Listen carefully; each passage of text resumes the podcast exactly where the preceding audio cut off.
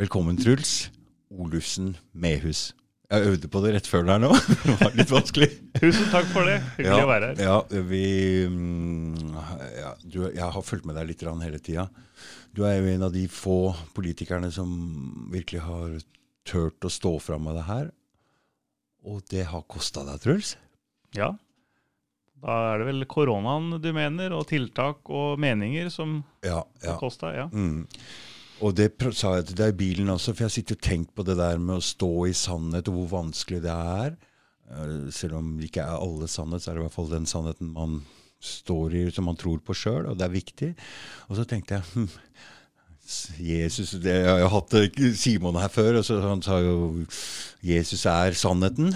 Og hvis vi sitter et er lik, da, tegn der. Mm. Og så tenker jeg man trenger kanskje den støtten som kristen eh, så har man den støtten um, at man skal stå i sannhet. Mm. Ikke sant?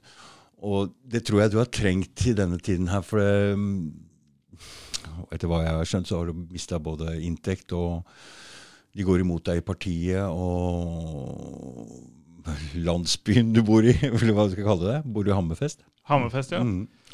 Der også er det vel ganske vanskelig å stå og mene sånne ting som det er. Så du er en veldig tøff, bra mann, men du har Jesus med deg. Ja. Det tror jeg um, Det er en vinneroppskrift. Ja, det er en vinneroppskrift, ja.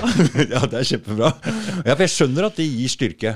Mm, øh, og hvis man vingler litt, og så du har noe stort og trygt og godt uh, som står med deg. Jeg forstår det der. Jeg forsto det plutselig da jeg tenkte på det her om dagen. Jeg har egentlig ikke skjønt uh, helt uh, hva det er, men jeg forstår det nå. Er ikke det godt å høre fra en som ikke er kristen sjøl? Det er imponerende, ja. Mm, altså, mm, mm. Sannheten bør jo være en uh, motivasjonsfaktor, en drivkraft i seg sjøl. Mm, Etterstrebe mm, sannhet ja, i alt man mm, gjør. Ja. Og det er jo, Men det, samfunnet går jo mer og mer vekk fra det.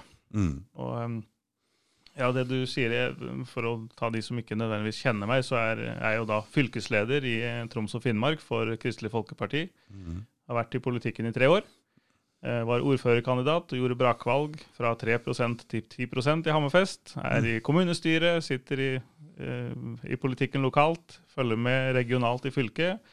Og sitter da i landsstyret i KrF som mm. representant. Og mm. har eh, vært i nasjonal debatt i to år omkring eh, pride-tematikk og skeiv teori om kjønnsmangfold. Mm. Så jeg har jo ikke akkurat tatt de populære temaer fra før. Nei. Eh, men jeg har ment at det har vært viktig at barnets beste er det to ulike oppfatninger om mm. i den debatten. Og det er det vi også ser i koronadebatten. Det er to ulike oppfatninger av hva som er det beste. Mm. Hvem er de svakeste til syvende og sist i pandemien? Mm. Og der mener jeg at det er, de, det er barna våre og det er ungdommen våre. Det er de som er de store taperne i en pandemi som ikke er farlig for dem, som ikke rammer dem.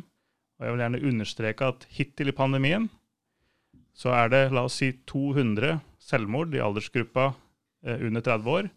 Og det er 38 dødsfall pga. pandemien i samme aldersgruppe. Og de som er døde der, har hatt alvorlige underliggende sykdommer. Ikke sant? Så dette her er en pandemi, og psykisk uhelse det Jeg får eh, beskjed fra hele landet, folk som jobber i psykisk helse, helsesykepleiere eh, med barn og ungdom, sier at det er, det er køen bare øker og øker og øker. Psykisk uhelse blir større og større og større. Og, og det er tiltakene som er FHI sier òg det, at det er tiltakene som utgjør en byrde for barn og ungdom. Mm. Politisk innførte tiltak, mm. ikke sykdommen. Og da har vi da to, og da hvis man da ser hvem er det eh, tiltakene går utover, de svakeste, hvem er det som er hva skal jeg si, reddest? Det er folk med stor pondus og lang erfaring, men enda i aktiv yrkeskarriere. Det er de som er reddest for å bli sjuk. Mm. Og eh, koronaen, den angriper hardest de som er overvektige og eldre med underliggende sykdom. Og når vi da vet at eh, 75% av den voksne befolkninga over 40 år er overvektig eller har fedme, så 75 av alle over 40 år har det. Da vet vi at det er, det, er, det er, en grunn til at det er en så stor frykt. Men det er jo ikke barna og ungdom som, den, som vi frykter for. det er faktisk det sjiktet der. De, Mm. de i den alderen der. Mm. Og det tenker jeg bør belyses Mm. mer enn det det har vært gjort. Ja, det, det er riktig. Truls, eh, du um, Vi prata om litt om det i bilen der også. Vi har vært og henta deg på Ryene. Vi har sittet lenge oppe og prata også. Ja. Og det der med skeiv teori og det der. Og jeg, um, jeg har jo festa en del sammen med de homofile. De liker å provosere, og de er sånn. Og jeg syns det på en måte er morsomt også. Og jeg er ikke imot noe av det der. Jeg liker dem eh, faktisk. Jeg liker den måten, Men det passer ikke alle steder. Det passer f.eks. ikke på barne-TV eh, med, eh, med de, med de skinndrakte rumpa bar. Det, er, det, er ikke der det, det ikke der det skal være. Og, og det tror jeg de folka der er enige i sjøl. Jeg, jeg ser ikke noe gærent i at Pride-toget og de står for sin egen sånn greie og sånn, men, men jeg syns kanskje ikke det burde få den dekninga og at det blir løfta fram eh, i, i, i mainstream sånn på den måten. Det er kanskje ikke så riktig, men jeg vet ikke hva, hva, hva du Hvor du ligger den hvor, Du sa det hadde vært noe voldsomme eh, greier i, i en kamp som nesten ligner på like aggressiv som Ja. koronadebatten, men jeg vet ikke helt hva du Jo, det, det jeg kan si er at det gikk fra lokalpolitiker til å bli hva skal jeg si, nasjonalt engasjert. Det, det skjedde på en dag, og det var eh, i 2019 så skulle Stortinget i desember behandle et tredje juridiske kjønn Ja. da også. Mm. Nå, det, nå står vi overfor det på nytt. Oh, ja. Um, og i forkant av det eh, så hadde jeg jo vært eh, altså, Jeg kan jo si, si det, da. Jeg, jeg kommer fra en ateistfamilie. Jeg, jeg ble kristen for fem år siden. Oh, ja. Um, og for uh, fire år siden så var jeg i, um, i, i verdens største pride-parade. Det var i New York, og gikk, gikk der. Og, og var jo spent på hva, hva det var. Og selve paraden gikk jo veldig fint for seg. I de som var i paraden, som representerte bedrifter, så var det jo langarma T-skjorter, og det var eh, bukser. Det var ikke noe, hva skal jeg si utskeielser som, som, eh, som var der. Mens i rammene rundt så var det jo ganske annerledes. Så når jeg sto i Gay Street eh, og så på toget, da var det da var det som du forklarte. Det var eh, lakk og lær, det var mye hud. Eh, det var eh, Ja, det var eh, Jeg ville ikke tatt med barna i den gata der på mm. høylysdag med alt det som foregikk rundt. Mm. Um, men så er vi jo lært opp eh, i, vokst opp i et sekulært samfunn, så jeg tenkte ja, ja, det skal sikkert være sånn, da. Mm. Eh, og jeg tenkte ikke mer over det. Og så skjedde det i høst, eh, våren 2019. Så kommer, kommer min eldste sønn hjem, og så sier han han har vært lært på skolen at det fins tredje kjønn. Tre kjønn. Så sier jeg nei, det gjør det jo ikke. Jo, han har lært det på skolen, at det er tre kjønn. Så, så sier jeg ja, men det, det fins altså, det fins kvinner og det fins menn, det fins ikke tredje kjønn. Jo, det fins hen, det har han lært på skolen. For der har Skeiv Ungdom vært på besøk. Men hva er egentlig det tredje kjønn? Jeg tror ikke jeg har fått med meg hva Jeg har hørt om hen og sånn, men hvem er det som blir karakterisert som det? Ja, det har, det har endra seg litt de siste to årene, dette der. Fordi at før så sa man at jo, men du må huske at eh, det, det fødes noen hvert år som har det som heter intersex-tilstand. Det betyr at eh, genitalene deres, innvendig og utvendig, kan det være litt vanskelig å se rett på om de er gutt eller jente. Ok, men det, er jo bare altså det, er, ja, ja, ja, Ja, mm. det- det, det fins sikkert i dyreverdenen også, hvor det er noen sånne Det- Hvor det- skjer en sånn ting. Det skjer en eh, Skal vi bruke begrepet feil, da. Feilkoding. Ja, Men det er jo så få av de. Det er få det er jo, og, og, og det er ikke sikkert at de vil, vil, ha, vil at folk skal vite om det. Nei. Og, og, det, det er veldig viktig det du stiller spørsmål om her, fordi at den, eh, det kalles for intersex. Og i denne her LHBTI Mm, det det. I-en, kaller, ja, I-en, og så har det en Q til slutt, for det er det queer. da. Eller questioning, avhengig. Men den I-en den skal da representere intersex. Intersex er da en medfødt tilstand, Mm. men som gjør at det er vanskelig å se helt om det er gutt eller jente. Men alle som har det, er enten gutt eller jente. Ok. Ja, så Anette Trettebergstuen var jeg i en liten debatt med på, i Dagbladet i, i 2019 om dette her, der hun sa at jo, men det er vitenskapelig anerkjent at det fins flere enn to kjønn, sa hun til Dagbladet. Og Dagbladet stilte jo ikke flere spørsmål. Men det gjør ikke det. Og hun sa, brukte da dette her Jo, tenk på de med intersex-tilstand, skal ikke de få lov å være seg selv? Men i Foreningen for genital anomali, som er da folk med intersex, de sa vi vil ikke være med på dette her. Vi er enten menn eller kvinner, og vi vil leve som menn eller kvinner. Vi vil ikke leve som et tredje kjønn, fordi vi er Og, og du, du kan jo tenke deg sjøl hvor flau man er som barn. altså bare det, Hvis du hadde klippet deg eller være annerledes og skille seg ut, er veldig veldig flaut. Ikke sant? Så, så drive og jeg, jeg tror ikke jeg ville vært en hen selv om jeg hadde vært en hen. da. Altså alle skulle Nei. Men, men Og det, brukes, og det brukes jo, det er der det brukes for å si at å ja, men vi visste ikke at det fantes intersex. De fleste vet ikke at det fins intersex-tilstand. De fleste vet ikke om dette her. Og da, fordi at eh, man blir lærer opp, det fins XX-kromosom og XY-kromosom, som er mann og kvinne. Mm. kromosomnivå. Men det fins mange flere kromosomvarianter. Jeg tror det fins 22, Okay. men det fins ikke 22 kjønn. Nei. Men kromosomene har andre beskrivelser enn XX og XY. Så det kan være XX0, det kan være 47X et eller annet. Men det betyr ikke at antall kjønn endrer. Men da begynner det å bli komplisert, for dette visste jo vi heller ikke. Og så kommer det plutselig at ja, men det fins flere kromosomer. Du har intersex-tilstand.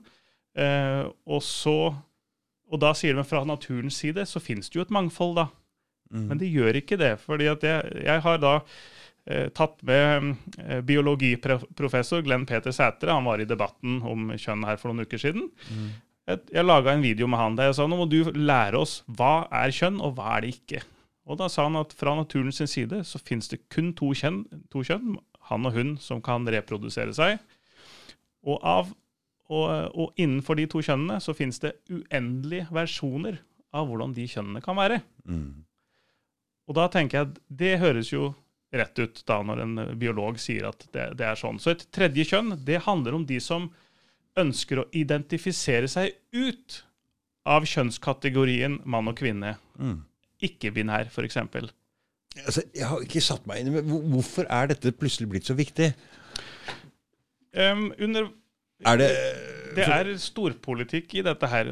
Joe Biden under presidentvalget ble spurt av en eh, mor fra publikum. Hei, eh, min eh, sønn på åtte år er trans transgender. Kan du, hva, skal til for at han skal få lov å være seg selv? Og og da, da svarer Joe Biden I will just flat out change the law.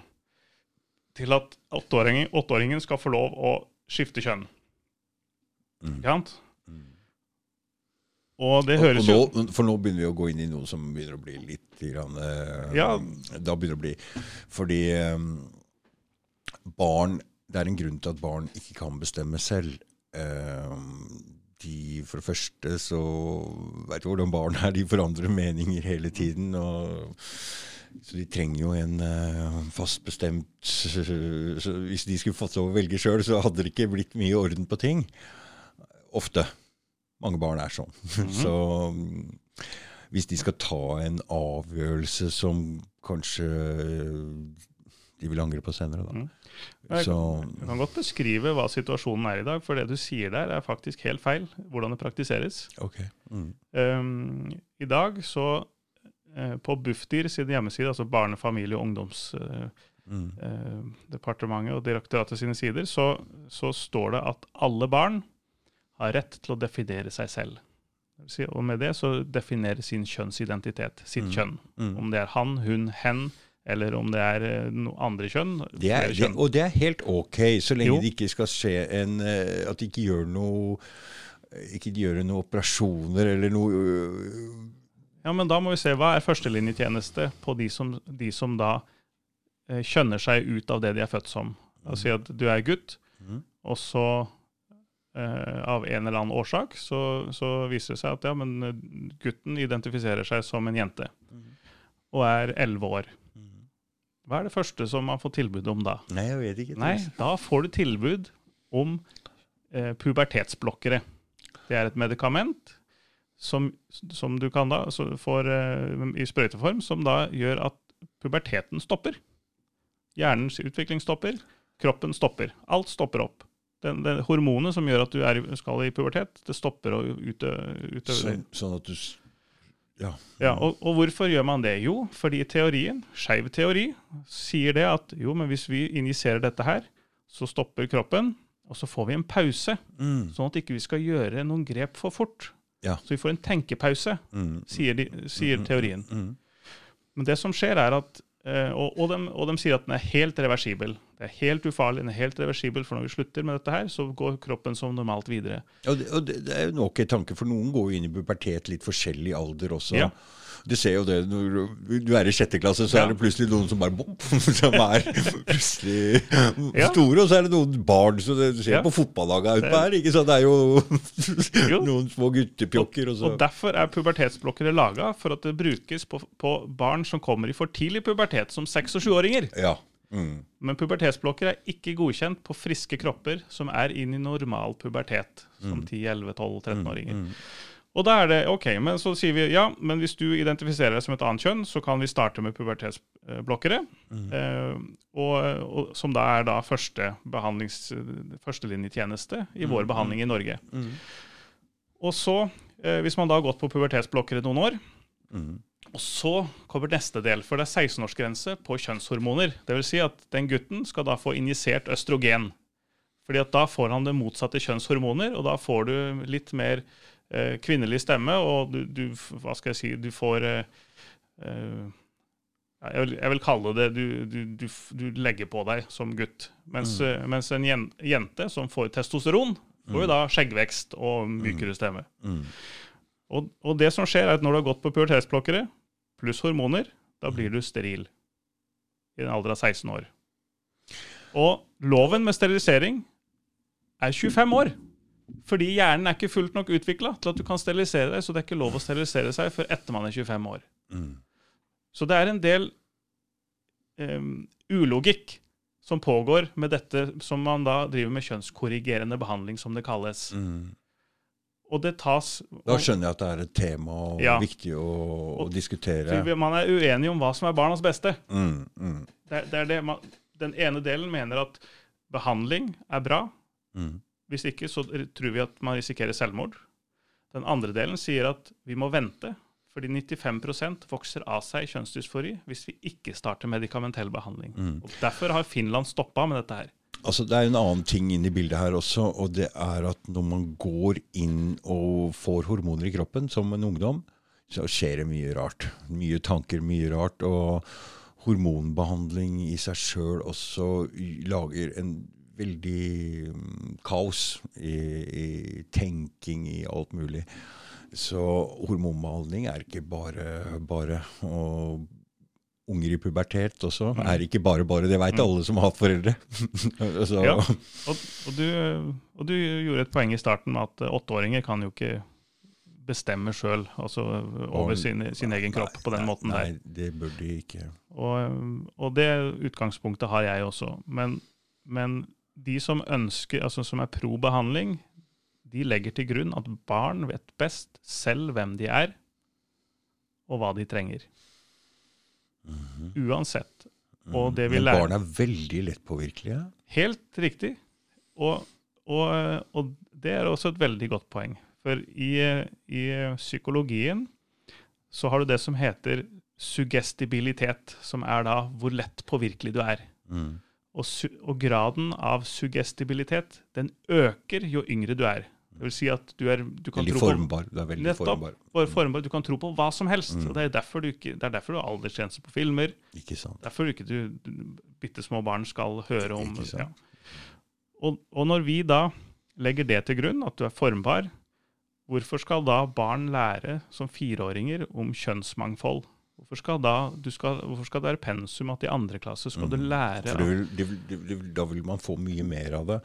Og det som er, er at det, når man tar en sånn Det er bare min personlige tanke. Når man tar en um, sånn avgjørelse, da, så vil man jo føle seg annerledes. Uh, Det er ikke lett å gå gjennom livet og føle seg annerledes. Og hormonbehandling, som sagt, er uh, Det er det, det er veldig mye Man blir, kan bli veldig ute av seg av det. Ja. Depresjonen Ikke øker. sant? Depresjoner øker, og Men også blodpropp. Altså hjert, altså det, det, er, det er mange risikofaktorer med disse behandlingene også. Mm. Jeg går jo på testosteron sjøl nå, testosteronbehandling, og det er jo noen faktorer der som altså Når du ikke har den naturlige Altså Vanligvis når um, kroppen din produserer testosteron som den skal, så når du produserer for mye testosteron, så reagerer hypofysen Da merker den at du, du blir omdannet til østrogen, og så stopper den produksjonen. Så du har den balansen der hele tiden. Akkurat. Akkurat som balanse. Den har du ikke når du tilfører ekstern eh, testosteron. Så da er det en del ting du må passe på. Og du må ha østrogenblokkere hvis det plutselig går for mye over. Du må passe på, Hvis ikke så kan du få pupper av det. ikke sant? Du kan miste hår av det. Og så er det andre ting også. Du får, tjukkere blod av det. Så du må passe på så det er en del ting man må passe på der. Så man må gå og passe på resten av livet. Så det er ikke bare bare å Resten av livet?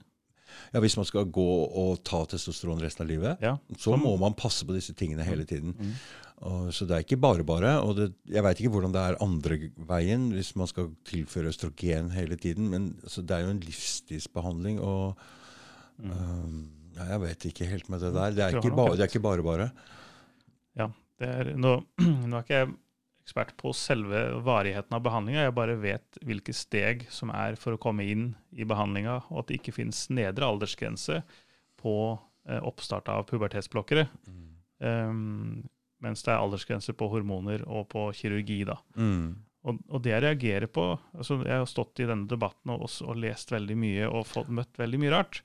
Og, og når, eh, når eh, Så du mener at det når de begynner å lære om dette allerede som små barn, så er det en så suggester du disse tingene? Ja, altså for Og så kan man si Og det, hva- og det vil ikke føre til et lykkelig, liv, Kan føre til et ulykkelig liv. to, det, ja, der er det to ting å si. Det, det er helt det er et genialt spørsmål du spør om. Det ene er at eh, vi har hatt en årlig dobling. Årlig dob dobling i ti år med økning på, med kjønnsdysfori, som det heter. Barn som opplever, kall det født i feil kropp, Mm. si det på skeivt språk, tildelt feil kjønn ved fødselen. Mm. Um, og eh, dette, denne doblinga vet ingen hvorfor har skjedd. Nei. Men den er unormal, og det er kun, særlig kun blant eh, tenåring, altså tenårings uh, pubertetsstadiet, at Mm, dette her, mm, det er der det, det er der. Og man vet ikke hvorfor. Og så spør du ja, men uh, hva, hva er det beste for barnet? Hvilken positiv effekt har denne behandlinga? Mm. Og det som er spesielt, og da, det var da jeg ikke kunne sitte stille lenger, det var da det ikke finnes vitenskapelig grunnlag som sier at det gir positiv helseeffekt på individnivå. Altså man, man kan ikke si at det finnes ikke eh, bevis som sier at eh, det, man kan konkludere på at det, å standardisere denne behandlinga, det går ikke.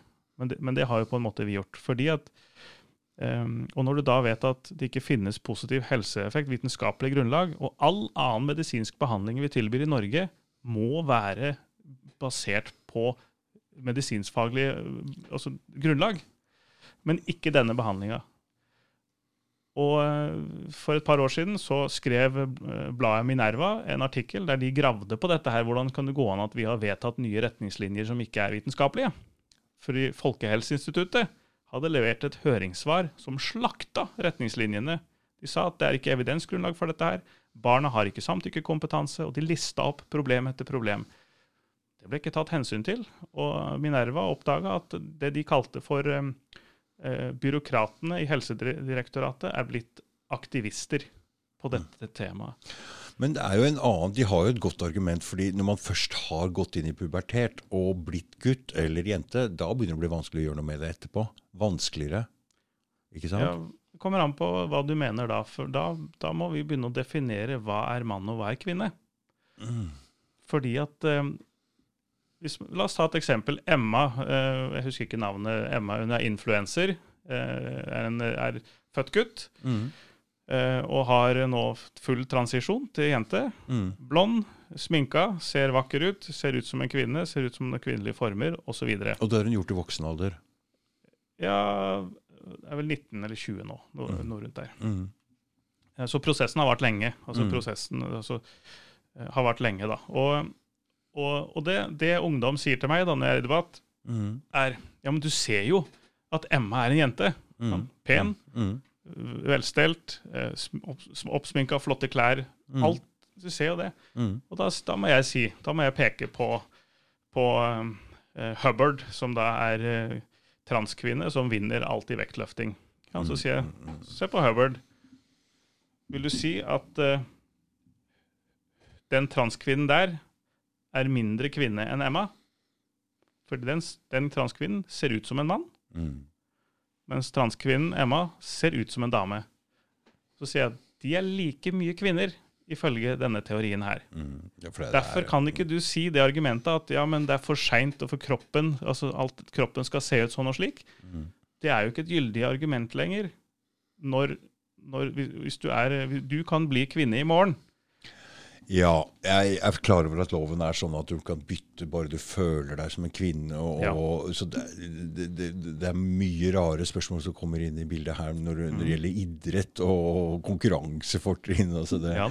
Så de har dratt den litt langt der. eh, Så, men det er kanskje mm, bare Når de drar det så langt, så er det ikke rart det blir debatt om det. Altså, de kan ikke få lov Jeg så jo en dame her nå eh, som var en mann uh, som spilte for australske herrelandslags, eh, nei, damelandslaget. Og han var jo altså, Den var jo to meter høy. Den var jo en muskelbunt på 100 kilo. Mm. Og alle lot som ingenting. Han var jo med i VM i håndball, altså Ja. det, og alle bare, de bare så bort. og Her er nothing Ja to see. og det, var, det var veldig spesielt. Sånn, det, det må, da skjønner jeg at damene protesterer, og Mm.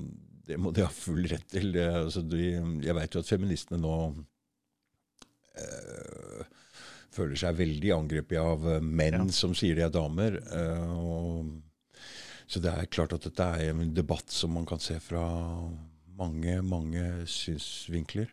Men det må være en debatt om det. Og det, Ja. du, det du har opplevd, er at det er, en, det er altfor mye skriking. Det er altfor mye sinne. Det er altfor mye Det- Det er ikke lov å ha meninger som du har. Det innebærer en risiko. men, så det, dette er et problem i samfunnet i det Mm. hele tatt. At det går ikke an å snakke ordentlig om ting og debattere ting ordentlig. Og det blir altfor mye skriking. Og, så mm, hvis du mener at det mangler en stemme som din, Mm. så er det klart at du må stå fram. Mm. Ikke sant? Ja. Uh, og, og det er tydelig at de gjør. Hvis de gjennomfører lover som det, som det de driver med der, så, Mm. så trenger vi en stemme. Men det som vi også trenger, er at vi må kunne snakke vanlig om ting. Vi trenger Ja. det. Og jeg tror ikke vi har blitt opplært i å ha ordentlige debatter, for det vi egentlig ser av debatter på TV, er politikere som går inn med hvert sitt standpunkt, som de ikke kan forandre på. Så det er en konkurranse i om å ikke, Ja. ikke bytte mening. Og det er det vi tror er en uh, diskusjon og en debatt for å Ja. komme fram til en løsning. Og da, da tar vi feil. Du er inne på noe der. ikke sant? Det er, det er et problem. eh, Altså, Det er et problem i hele samfunnet med mange ting. Uh, Det Ja. er altfor mye ja, så min opplevelse Jeg har jo bare vært i politiker Tenk om vi kunne år. hatt det sånn at vi kunne satt oss ned rolig og diskutert og kommet fram til ordentlige løsninger og vært villige til å fire og finne den fineste løsningen på alt fra korona til innvandring til Tenk om vi kunne kommet og blitt så voksne. Mhm. For det samfunnet er nødt til å forandre seg i en annen retning. Vi kan, det er jo barn som skriker her nå. Ja. Er, eh, altså, jeg har opplevd i hvert fall de, de tre årene jeg har vært i politikken, og det er jo at eh, det, det er to typer politi politikere. Det er de politikerne som er utrolig flinke til å formidle partiets politikk og å bli godt likt. Og den andre delen er de som er stille. Ja. Det er de to politikerne vi har i Norge, sånn som jeg ser det. Mm. Og det, det gjør at det blir eh, eh, At det er et vakuum.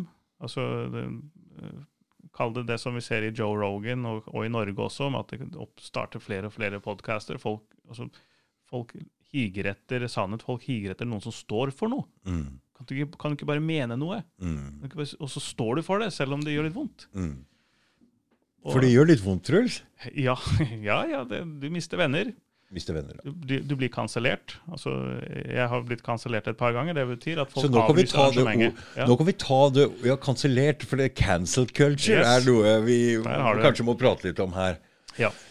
Og da blir det bare tatt ut. Det, ingen vil høre på deg mer. Og, mm, så, så hvor har du blitt kansellert? Hva betyr det? eh, Møter? Ja, em, Debatt? Cancel eller? culture det handler om eh, altså Når du blir kansellert, så er det to elementer. Det ene er at uh, du blir stemplet som enten irrelevant for debatten eller farlig. Mm, Og de som da har lyst til å ta på deg som er stemplet med dette her, mm, så sier de, nå tar du på en farlig eller irrelevant stemme mm. i dette her. Og du blir smitta? Ja, du blir smitta, og hvis du tar den på, Mm. da kutter vi en eller annen form for, uh, altså, form for eh, samarbeid eller eh, lojalitet. Eh, Mm. sånn, at, sånn at dette her er satt i et stort system, for alle er på en måte avhengig av inntekt. Ja. Enten du driver bedrift, sånn som jeg gjorde, eh, og, eller om du har jobb. Og er du akademiker og får lønn av staten Mm. for å være akademiker, Mm. Og så uttaler du deg kritisk om eh, kjønnsteori. La oss si det at eh, du sier ja, men eh, biologprofessor sier at det finnes bare to kjønn, og det er ikke et tredje kjønn. Det som kan skje da, er at, at universitetet du underviser ved, får rapporter fra det såkalte transaktivister, som da rapporterer universitetet og sier at det er ikke trygt å være elev i timene til den læreren, for den sier at transpersoner ikke eksisterer. Mm. Ikke sant? Med sånn og sånn bakgrunn. Og dette her er uholdbart for universitetene og skolene. De får helt angst. 'Å, vi kan ikke bli sett på som sånn.' Og så, og så, og så får det en reaksjon. Og det som skjer i USA og i utlandet, er at folk får sparken når de sier slike ting. Uh, identitetspolitiske feile standpunkt. Um, så du må være med på Hvis du opplever at det er en løgn, så må du være med på løgnen om antall kjønn og om, eh, eh, om teoriene som lager grunnlag for at man skal liksom kjøpe dette med kjønnsmangfold, eh, født i feil kropp og skifte kjønn. Så, og la oss dra nå dette bare over til korona, for det er en lignende sak. ikke sant? Det har vært veldig vanskelig å stå fram i Altså, jeg ser det jo andre ting òg her. Vi Mm. har jo hatt Nistad her inne som ikke fikk lov å fortsette å undervise, undervise ikke sant? som har eh, Ja. prater litt positivt om Ja. Russland. Så det, det gjelder jo mange ting, og det er klart at det er jobben ja, som det går på. Og, så Det er derfor vi er så glad hver gang vi ser noen som har en posisjon, som tør å si noe. Mm. Som er til vår inntekt. Og, Å, der har vi en stemme som tør å si For det, det Ja. eh, ikke sant? Så, så, for de risikerer noe. Jeg sjøl er jo ingen som har noe. Jeg kan si jo akkurat hva jeg vil. Ingen som Altså jeg har bare, Hvis det gjelder familie, så har jeg bare to brødre, og de er jo mer enn godt nok fornøyd med hva jeg driver med nå. så I forskjell til hva jeg har drevet med før. Ikke sant? Ja. Så mm, ja, For meg gjelder jo ikke dette her, men fortell litt om um, hvordan det For du var ganske tidlig ute og gikk imot øh, denne koronahåndteringen også, ikke sant? Ja. Mm. Um, I januar i fjor så eh, da skulle, Jeg vet ikke om du husker det, men da skulle regjeringa utrede portforbud. Ja, Mm. portforbud i Norge, Mm. verdens mest liberale land, på bl.a. Kjønns, eh, kjønnspolitikk. Mm. Og så portforbud. Ja, Det er jo det er jo en helt annen retning. Og forrige gang Men, men, men er det virkelig det? Hvis vi tenker etter hvem som styrer her Vi satt og prata litt om det her oppe i stad. Hvis det er den delen av det feminine som styrer Jeg ga Mm. deg en lignelse i stad med en fotballbane hvor mora var fotballtreneren, og gungen kommer skrikende, og jeg får ikke tak i ball, og det bare «Stakka, kom her, Det blir ikke noen fotballspillere han. Istedenfor hvis faren er trener, så bare Hei, kom deg ut på banen. Så hvis det er den samme feminine energien som styrer, så er det egentlig ikke så For den er eh, litt hysterisk, Mm. og den er veldig nervøs, og den er eh, Å, vi må passe på, og vi må Dette er farlig, og dette er synd på Det er litt det samme, skjønner du. Det er ikke Ja. egentlig to motsatte ting. Det er egentlig den samme energien som styrer her. Ja, jeg vil det, jeg vil kalle det at eh, mennesker er ikke lenger vant til å ta personlig ansvar. Og det meste av ansvar er nå falt på statlige etater. Og i statlige etater så er det jo ingen som tar personlig ansvar for noe. Nei, for det der Nei. Og, dette, eh, og det betyr at vi har da eh, Det var han Peter McCullough som sa at det han ser på, det er at det har vært um, akademisk inkompetanse i hele Vesten på hvordan vi har håndtert pandemien. Mm. Så, og, det er, og når man da alle eh, Eller ingen vil ta ansvar, og alle er redd for at noe skal gå gærent, uh, da tror jeg man tar ganske dårlige beslutninger. Mm. Um, og Erna Solberg, jeg husker jeg var så sint uh, uh, i jeg tror det var høsten 2020. Hun sa vi har ikke noe valg. Og det hører du politikere altså, Jeg tror Støre sa det òg. Vi har ikke noe valg. Da trenger vi ikke politikere, da. Mm. Hvis det ikke er noe valg. Vi trenger ikke politikere. Den kan gjøre noe annet. For, så, får noe annet, så får helsemyndighetene styre alene, da, hvis det er sånn at du ikke har noe valg. Mm. Har alltid et valg. Mm. Og det provoserer meg så vanvittig mye at ikke journalister sier ja, men vi må da ha flere valg. Mm. Det må da ha vært noen alternativer dere har diskutert. Mm. De blir helt, de er helt fristilt. Med, altså at media ikke ytrer et eneste tungt spørsmål om nesten på to år, med unntak av noen, altså noen få hederlige unntak. da. Og um, etter at uh, altså Dette her kjente jeg jo gnagde mye på meg, og alle disse hastehøringene med radikale lovforslag. Utrolig. Du også fikk tilsendt Ja, det, ikke sant? ja. En uke høringsfrist. Ja.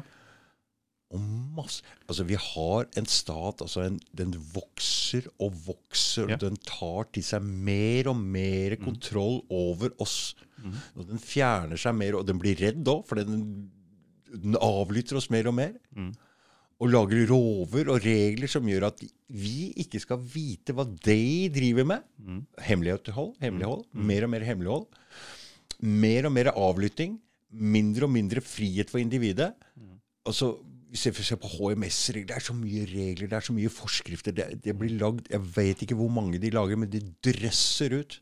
En eller annen gang så må vi nulle ut det her, for det kan ikke fortsette i den duren her. Hadde, hadde det vært opp til hvordan jeg ville likt å fått beskjeden, så ville jeg likt å fått beskjeden Hei, du, nå kommer det kanskje en farlig virus her. Det er mulig helsevesenet blir sprengt. Pass på dere sjøl. Ferdig. ok! Greit, det skal jeg gjøre. For jeg, jeg føler at jeg fikk ganske stor eh, Jeg ble behandla som en voksen ganske når jeg var, jeg, når jeg var liten. Ung. Og jeg mener, nå er jeg voksen. Jeg klarer å passe på meg sjøl. Og jeg klarer å ta avgjørelser sjøl. Jeg trenger ikke jeg trenger ikke noen som skal detaljstyre hva jeg skal gjøre. Altså. Jeg vil ikke ha det, jeg skal ikke ha det. Ferdig med det. Sånn er det bare. Ja. Og det, det, det håper jeg mange føler på. Mm. Altså, jeg også føler på det. Og um, for, å, for å gå til uh, det du spurte om, altså veien inn i å delta i den samfunnsdebatten her, Mm, han, mm. handla jo for min del om at altså, jeg også følte at det er mye som ikke fungerer, som var bra. Mm. Eh, første nedstenginga den vil jeg gjerne fortelle om at da, da vi fikk to uker, ikke sant, Mm, og så ble den plutselig hvor, Hva ble den? Tolv? Jeg husker ikke. Og, men et, og eh, bestefaren min og bestemora mi var, var i midten av 80-åra. Og eh, også etter eh, la oss si fem uker ute i denne nedstenginga, så, så kom jeg og minstedattera mi på døra, og så hadde vi kjøpt blomster, så la vi det på, på foran døra, så ringte vi på, og så gikk vi langt bak. Så, så sier vi 'Hei, bestefar, jeg la blomster der borte'. Oi, oi, oi. Og så sa han til, og da sa han 'Kom inn'. Og så sa jeg 'Ja, men du vet jo, vi kan jo ikke komme inn'. Og så sier han 'Kom inn, jeg vil heller ha livskvalitet enn livskvantitet'. Nå er jeg lei. Mm. Kom inn', sa han. Mm. Og da gikk vi inn. Og siden så har vi gitt klemmer. Siden har vi gått inn. Siden har vi vært med familien vår. De som vil være sammen med oss, vil vi også være sammen med. Mm. De som vil holde avstand, ja, da holder vi avstand. Mm. Men det, den endringa der, når, når, for det var jo det alle sa, nå skal vi redde de svakeste, de Det var faren din, ikke sant? Bestefaren min. Bestefaren ja. Mm. Da skulle vi, og, og det snudde opp ned på synet mitt, for at da tenkte jeg at ja, men det er jo, det er jo livskvalitet det handler om. Og, og det er derfor jeg tok opp det i sted om at det, jeg ser at barn og ungdom de, de lider for alle disse tiltakene som de ikke trenger. Mm. De trenger ikke disse tiltakene, for den pandemien rammer ikke dem. Mm. Og, um, og, og så husker jeg satt der. Er det ingen politikere som sier noe? Husker jeg, Det var, var i desember eh, 2020. Og så i starten på, ja, starten på januar, første uka, så ser jeg et leserinnlegg fra en partikollega av meg, Øyvind Håbrekke. Han skrev et innlegg at han, nå må vi be om innsyn i helhetsvurderingene. Og da tenkte jeg, kan han gjøre det? For at jeg har jo gått litt vel fort uh, i denne kjønnstematikken i partiet, så jeg tenkte, skal jeg gå fremst her også? Ja. Kanskje jeg bør holde igjen. Men når han gjorde det, da kjørte jeg på.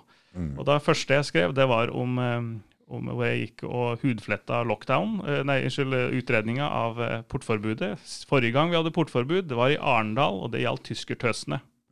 Ja, det var forrige gang vi hadde portforbud, det gjaldt tyskertøsene. Og nå er vi, 20, var vi da i 2021, og så skal vi utrede Hva mener du at det gjaldt tyskertøsene? Tyskertøsene etter krigen Mm. fikk ikke lov å gå ut etter klokka seks. Det var noe sånt. Det var portforbud som gjaldt tyskertøser.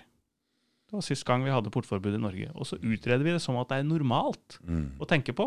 Mm. Og det, det, det kjente jeg provoserte meg. Så, så fyrte jeg av gårde den, og det ble, det ble jo støy og debatt ut av det. Mm. Og så rett, fyrte av gårde hvor? eh, i eh, Jeg husker ikke om den ble publisert i Nettavisen, Oh, ja. eh, Mm. men, eh, men i aviser, så, så i, i debattaviser, da, så, Mm, som mm, jeg fikk det ut. Og så rett etterpå så oppdaga jeg at eh, For det, var, det har vært så mange andre av korona. Du har hørt det argumentet av korona. Mm. Og så plutselig så snakka jeg med, med faren min, og så, så nevnte han at eh, ja, jeg lurer på hvordan det er med hjerte- og lungeredningsanbefalingene nå. Mm. Jeg søkte det opp, og så ser jeg de nye anbefalingene ved hjerte- og lungeredning. Hvis du ser et menneske falle om på gata, Mm. Så skal du først evaluere smittesituasjonen. Og dersom du føler at den eh, eh, du føler at det er litt skummelt, så er det legitimt å heller vente på at det kommer hjelp fra ambulansen. Ikke sant? Og da skrev jeg et innlegg om dette her. Hva er det vi driver med? Skal vi ikke hjelpe folk som detter om på gata lenger? Vi skal, vi skal se på alle som potensielle smittekilder i alle situasjoner. Og så skal vi ikke ha nærkontakt med familien. Vi skal ikke klemme. Vi skal ikke hjelpe. Nei. Det er, du begynner å se alle ting som Mm. folk skal Du vet, jeg Det hadde vært eh, full nedstengt på fotballbanen her. Og jeg hadde vært sammen med en dame som hadde litt problemer med å sove. Så så var det plutselig det var masse unger nedpå der og lekte igjen. Ja. Og hun sa det var så deilig å kunne sove inn til lyden av lykke Ja. når barn leker. Mhm. Det var en periode her hvor det ikke var glede. Det var ikke lek. Det var ikke en glede. Og det gjaldt i hele verden, og det mm. var så spesielt. Det var, det var ikke barn... Det var ikke Lyden av lykke fantes ikke. Nei. Uh, og det, det, var så, det var så rart. Jeg ble Mhm. så glad når jeg så det var barn på banen her. Jeg hørte den lyden. Mm. Uh, så nei, vi, det var et veldig merkelig samfunn vi hadde, eller som vi delvis Ja. har ennå. Det er veldig tungt. Uh, og det er ikke rart at folk sliter psykisk med det her. For vi trenger glede, vi trenger latter og Ja. nærkontakt og, og hjelpe folk. Og Mm. det er jo det som er det er jo det som er å være menneske. Ja, det, det burde slite oss i to å tenke på at barn måtte velge en kohort på fem. Mm. Ja, Tro den ene som havna utenfor kohorten. Ja, Det er alltid en, det, det skjedde over hele landet, det er alltid noen som ble ekskludert fra kohortene. Mm. Og så plutselig nei, vi kan ikke være sammen vi pga. smittesituasjonen. Mm. Så du er i tvungen isolasjon alene fordi at ja, det bare ble sånn da i kohorten her. Det var, det var en eller to til overs, men, men våre, våre barn er ivaretatt, så, så det går tålelig bra. Mm. Men dette her er, dette har vi påført barna våre og ungdommen våre. Mm. Helt unaturlig situasjon. Eh, Masse frykt. Frykt, frykt, frykt. Og, og det det som du innleda med, at eh, jeg mener at når du, når du er kristen, og du kan din bibel, så står det jo jeg vet ikke hvor, det står sikkert hundrevis av ganger 'frykt ikke'. Ja. Det står det, du skal, og, og, og da tenker jeg ja vel, ok, Bibelen sier det, men hva sier da forskning om frykt? Jo, den sier det at hvis du opplever frykt, så utløser det et hormon som gjør, som trigger andre hormoner i kroppen, som gjør at hjernen ikke klarer å tenke rasjonelt. Ja, det sier forskning. Ja vel, og Bibelen sa det. Frykt ikke. Og så sier forskninga at det er ikke så lurt å gå rundt og frykte, for at da tenker du ikke klart. Mm. Du er i flight mode. Ikke sant? Mm. Og da, eh, men det er det vi møter overalt. Og Og det utløser en del stresshormoner som igjen kan Ja. utløse en del sykdom. helt, helt eh, riktig. Ehm, jeg så på eh, Folkehelseinstituttet har laga en, en oversikt over hvilke folkehelserisikoer som er størst i Norge, som kan påvirke folkehelsa. Og der er psykisk helse på andreplass. Av, av alle bekymringer så er psykisk helse på andreplass. Nå, eller har det alltid vært det? Det her var i 2018, Mm. så sa de det. Og da tenk, tenk hva to år med pandemi og nedstenging og alt det du beskrev med sosial atskillelse og alle tiltakene og frykt, frykt, frykt, frykt, frykt. Fordi isolasjon, eller det å ikke være Jo mer man trekker seg tilbake fra andre og sosialiserer seg, Mm. jo mer vondere er det å, å, å, gå tilbake igjen til det. For det er den angsten man Ja. får, den sosiale angsten, er den største psykologiske faktoren. Jo mindre du deltar i samfunnet, Ja. jo større er den, og jo, jo lengre er veien Ja. tilbake. Og dette, har, dette her veit jeg godt, for det jeg har er ja, på en måte Jeg veit om noen nær meg som har det. Ja. Og jeg har jo sett med andre også. Jo mer du isolerer deg, jo vanskeligere er det. Jo større Ja. blir den ja, angsten din. Ja, og når du da vet at det har vært den bekymring nummer to før Mm. pandemien fra FHI, Mm. jeg tror faktisk at den, må, at den har rykka fra den øverste, og den øverste var kreft. Mm. Så at, ehm, at hvis man da er i dette utfallet av pandemien, og den tror jeg vil ha konsekvenser i mange mange år for, for de, de yngste og de mest sårbare, og for ungdommen og barna. Jeg tror det kommer til å, å eh, sette dype spor med at de har latt seg, eller foreldrene har mange har holdt barna fast for å teste de i nesen og i nasofarynx. Det har, vært, det har vært tårer, og det har vært skriking, og det har vært stress. Det har vært frykt. Har jeg smittet noen? Hvem har du vært sammen med? Har det vært noen andre i kohorten din? Det hele tida passe på at, som du sier, det, dette stresset, denne frykten, Mm. alt dette som har vært, eh, vært rundt oss nå. og Det, Og du må huske på det, to år av et barns liv er veldig mye. Ja, ja. Det er ikke det samme som to år av mitt liv. Altså. Nei, nei. For for oss går tida fort, men du veit jo hvor lang sommerferien var for eksempel, når Ja. du var barn. Ja. Det var jo en uendelig lang tid. Det, Men Truls, nå hopper vi litt. Vi skulle Ja. få, få høre Truls' historie. Han skrev et debattinnlegg, men det er bare bra at vi skjærer ja, vi, vi må jo hoppe ut når det blir interessant. Ja, ja, det må vi. Mm. Um, ja, altså Etter leserinnlegget om hjerte- og lungeredning, det, den, den kom på trykk i eh, Nettavisen. Mm. Og Da ble det debatt, og så fikk jeg noe tilsvar på at slapp av. eh, Det var, det var, det var nasjonale ledere som svarte meg på det på, Mm. på området, og som skrev at nei, slapp av, eh, folk skal få hjelp. Men jeg følte ikke at, jeg følte ikke at uh, Men det er tanken, tanken Ja, ikke sant? det er av covid så skriver vi dette her. Og sier ja, men vi skal jo hjelpe folk for dem vi har skrevet dette her. Ja, men nå er det skrevet at vi først skal se an smittesituasjonen før vi hjelper folk. Eh, Du, og det, man legitimerer faktisk å la være å hjelpe folk fordi at jeg, jeg, var, jeg var redd for smitte. For smitte sant? Så, så, så slutter det å, å Så er det legitimert. Og, um, og det som skjedde da, var at um, dette med Eh, ja, dette med tiltakene. Vi gikk sammen flere i KrF. og Vi Mm. fant ut at dette her, det, var flere som begynte å si at dette her det, nå, dette er, Det var du og Simon og en til, eller? Det var jeg og Simon, og så var det Jarle Jacobsen i Vestland KrF, Mm. eh, som, eh, som da vi dro på Kanal 10, altså en kristen TV-kanal, Mm. for å fortelle om det, ja, det vi ser og opplever, og det vi mener om, eh, om koronapass og tiltak. så når du skrev dette, visste du allerede om Simen og Jarle da? Eller var det, de, eller var det når dere begynte å gå ut litt sammen, at dere finner styrke i hverandre litt? For det, det er jo litt sånn men Ja. litt, Jeg og Simon kjente hverandre eh, et år i forveien. Mm. eh, og det møttes. Men Jarle Jacobsen han tok kontakt mm. eh, fordi han på høsten 2020 fordi han var bekymra. Han lurte på har du fått med deg denne hastehøringen om eh, MNRA-injisering. Mm, ja. mm, mm. Og, og så skrev han hei, jeg, jeg, jeg ser at du er litt tøff i debatter og sånn. Har du sett på dette, og er du interessert? Og da ble Jarle på. Og han Jarle har da vært den som har egentlig kobla på alle andre. Han, han har bare kobla på, så Vår gjeng har jo blitt veldig stor. Mm. Og, og vi, Vår gjeng i KrF, eller ja, i KrF. Mm, Og, og så mm. har vi også invitert inn flere utenom, mm, altså partiløse. mm. Og, som i, en, eh, i et diskusjonsforum for å, for å eh, ja, for å holde hverandre oppdatert på hva som skjer, og hvor. Du veit at jeg satt og ropte på dere her i um, april-mai, når jeg skjønte hva som skjedde. jeg Ikke her på podkasten, men hjemme her, sammen Ja. med hun jeg var sammen med. Ja. Hvor er de kristne? Ja. Ser dere ikke hva som skjer? Ser dere ikke farene her nå?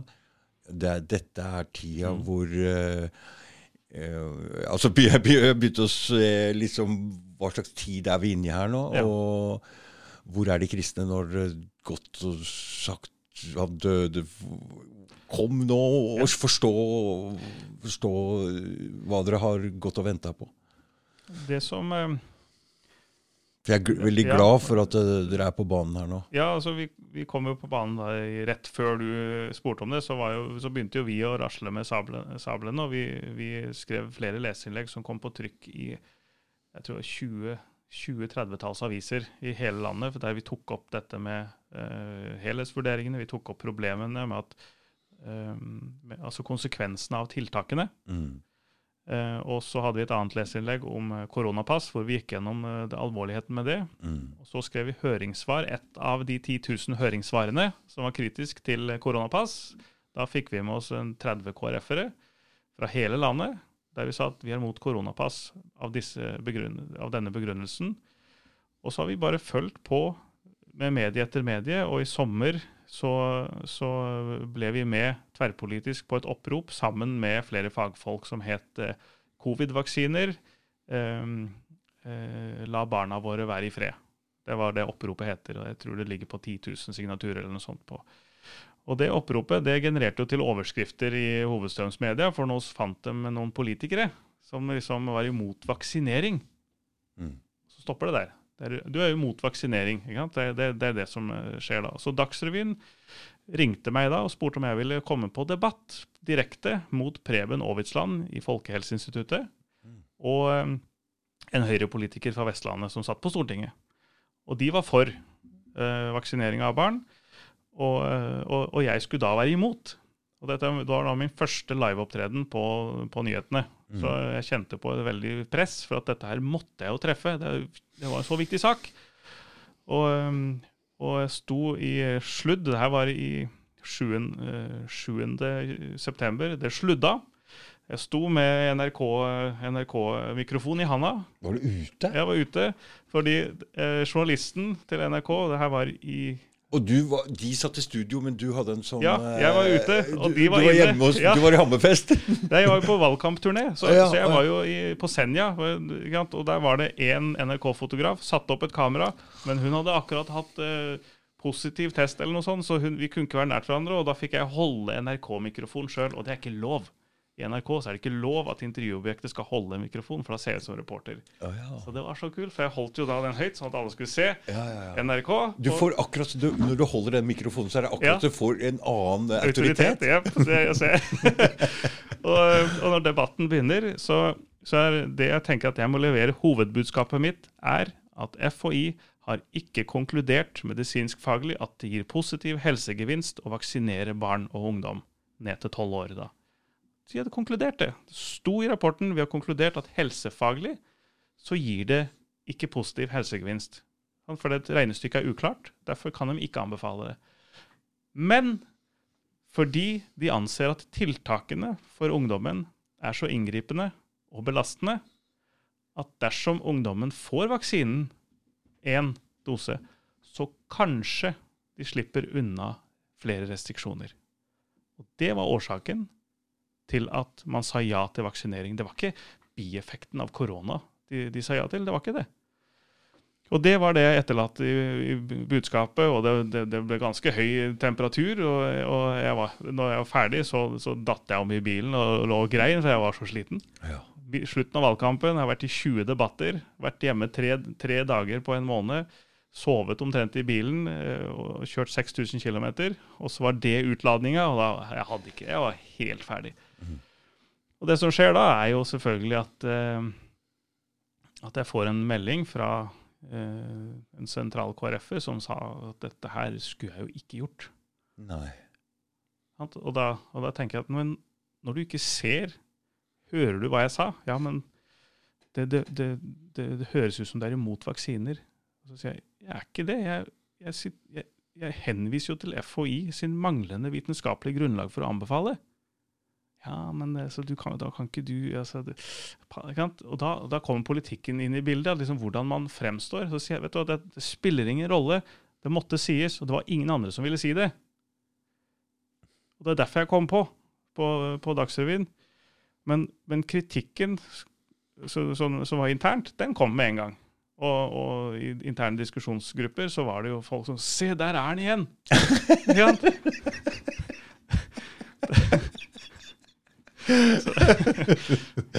og, og, da, og da liksom, Kan du ikke holde deg til programmet? Og så sier jeg ja, men vi har jo ikke program Det er jo ingen som programfesta noe om MNRA-vaksiner i barn. Mm. Det er ingen som har programfesta det, sier jeg, så jeg går ikke utenfor programmet. Og så sier, For jeg hadde jo tidligere vært uh, i valgkampen vært og snakket om at jeg var for kjernekraft, fordi det var det reneste, og vi trenger det pga. energikrisa som kommer. Jeg er helt enig. Hæ? Jeg er helt ja, enig. Jeg er helt enig. Jeg er helt enig. Det der er en Altså, det At de ikke den kjernekraftdebatten kommer opp, ja. altså de, det er, det er helt merkelig. Ja, det, så jeg har i partiet, så nå skal vi, eh, mitt fylkeslag, vi skal arrangere sammen med eh, Klimavenner for kjernekraft, mm. foreninga. Mm. Der sitter det jo kloke hoder. Skal holde en presentasjon. Vi skal ha et kunnskapsseminar. Så jeg skal invitere alle KrF-erne til. og Så kan vi så ta livet av myter og få vite hvordan det faktisk funker. Så kanskje, hvis flere gjør det, så får vi endring. Det er min teori, da. Ja, men uh, du skjønner det her at uh, det er en grunn til at det blir lagt lokk på de Altså, dette er jo min uh, Nå jeg, går jeg litt sånn i konspiland her. Ja. Men de vil kontrollere energi. Og dette har ingenting med CO2 eller noen ting å gjøre. De, så de vil ikke ha den kjernekraften ennå. Den er rein. Og hvis man hører på Sunniva Rose og det de, de ja. sier der, de har helt rett. Mm. Men hvorfor får vi ikke høre noe om det? Jeg har jo en teori. her, er det, her er det noen greier som foregår som uh, Det er veldig Hør nå.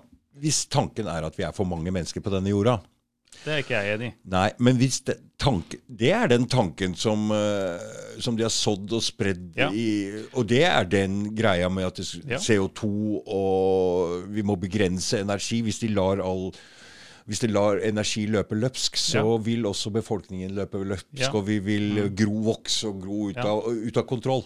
Ja. Så med å kontrollere energi, så kontrollerer de egentlig ja. det meste, og mm. også utvikling. ikke sant? Hvis vi ser egentlig på hva olje har gitt ja. oss, så er den, altså det, det, det, har vært grunnlaget for all, all utvikling. Mm. Så Det er jo derfor de bare sier eh, CO2 er veldig farlig. Derfor så, De vil ikke ha det der. Det er min teori om det her. så Det er derfor det blir undertrykt. For det der, de har helt klart rett. Eh, ja da. Ja, jeg tror, jeg tror det er eh, Jeg tror det har med økonom, altså stor økonomi å gjøre. så Du berører det kanskje litt, men jeg tror det handler om at uh, i det øyeblikket du får et sånt kraftverk, så er det en nasjonal ressurs. Så at staten skal eie den, ikke private selskaper. Mm. Og, når, og, de største private selskapene ser da at uh, da tjener vi mer på å eie hele energikjeden og ressurskjeden på kull og petroleum og disse tingene, mens kjernekraft, som blir så rent, og det blir liksom det eneste kost der det er å tjene penger, er på byggesaken. Kan bygge hele greia. Koster, eh, La oss si at det koster 50-60-70 eh, milliarder å bygge ett nytt kraftverk, kanskje mer. Og så blir det statens ressurs i det landet. Det er iallfall det de fleste land gjør. Sier at nå er dette statens ressurs. Da er det ikke noe penger å hente for storkapitalen. Og da er det ikke interesse i å bygge mange heller. Fordi at den som sitter på, på den uh, gjentagende gevinsten det med energiproduksjon, er da staten, altså, eller landene sjøl. Så det er din tanke om det? Det er min tanke om det. Ok, Men, men, men uh, hva med den uh, vannkraften vi har? Det er jo staten som eier det. Men mm. har de, de tjener masse penger nå på det her. Ja, ja altså... Men, men, men nå, nå, går vi litt sånn far out her, men mine, mine tanker om det her Når de, ja. når, de, når de, har strupa den gassrørledningen som går over Nord Stream 2, ja. som nå er årsaken til at det er energimangel i Europa mm. Jeg mener det er konstruert. Jeg mener det er lagt opp sånn. Jeg mener at det er uh, vi er på vei inn i en greie nå hvor de vil ha en reset og en energimangel. Det kommer som det passer så bra inn. Mm. vi får mat Altså Vi går ikke inn i det. Jeg, bare for å ta det, det To ting jeg, ja, to ting jeg har lyst til å si der. Jeg, jeg, jeg følger, følger, med på Jordan, Jordan Peterson, dr. Jordan Peterson, som Og når han intervjuer folk om klimakrise og energikriser og om nye teknologier og bitcoin og sånn, så syns jeg det er veldig interessant å, å, å, lytte til argumentene som dukker opp. Mm. Men når det gjelder altså den klimakrisa jeg, jeg, vil heller kalle det energikrise. Det er energikrise som ligger i bunn. Og eh, jeg tror det var Lars Lomborg, som er i Danmark, i en sånn tenketank som heter Copenhagen Consensus Center, sa det at hvis hvis energi blir tilgjengelig for alle, det blir billig, altså rimelig energi eh, til alle, så er på mange måter klimakrisa løst fordi at de aller fattigste vil da gå over på strøm. De vil gå vekk fra å fyre på møkk og søppel eh, og kull til å bruke elektrisk strøm. Mm. Eh, som blir mye renere, det blir mindre, eh, mindre tungmetaller fra det de brenner. Altså det, det, er mange ting som gir Og du får mye bedre tid til å drive med verdiskaping og ikke bare overlevelse. Så, og det blir flere folk ut av det. Ja, plass til flere folk. Plass til flere folk. Og, og, og det, jeg tror de, de, mener vi er for mange allerede. skjønner du. De, de, har sådd den tanken rundt omkring. Ja. Hvis du spør i hele Vesten her, så er vi sådd med den tanken. Vi er litt for mm. mange folk. Vi er litt for mange folk. Hva er den største dødsårsaken i verden? Eh, Veit ikke. Abort. Ja. Ja. Nå er vi inne på et eh, tema her som Husker du den Ludvig Nessa og det greiene der?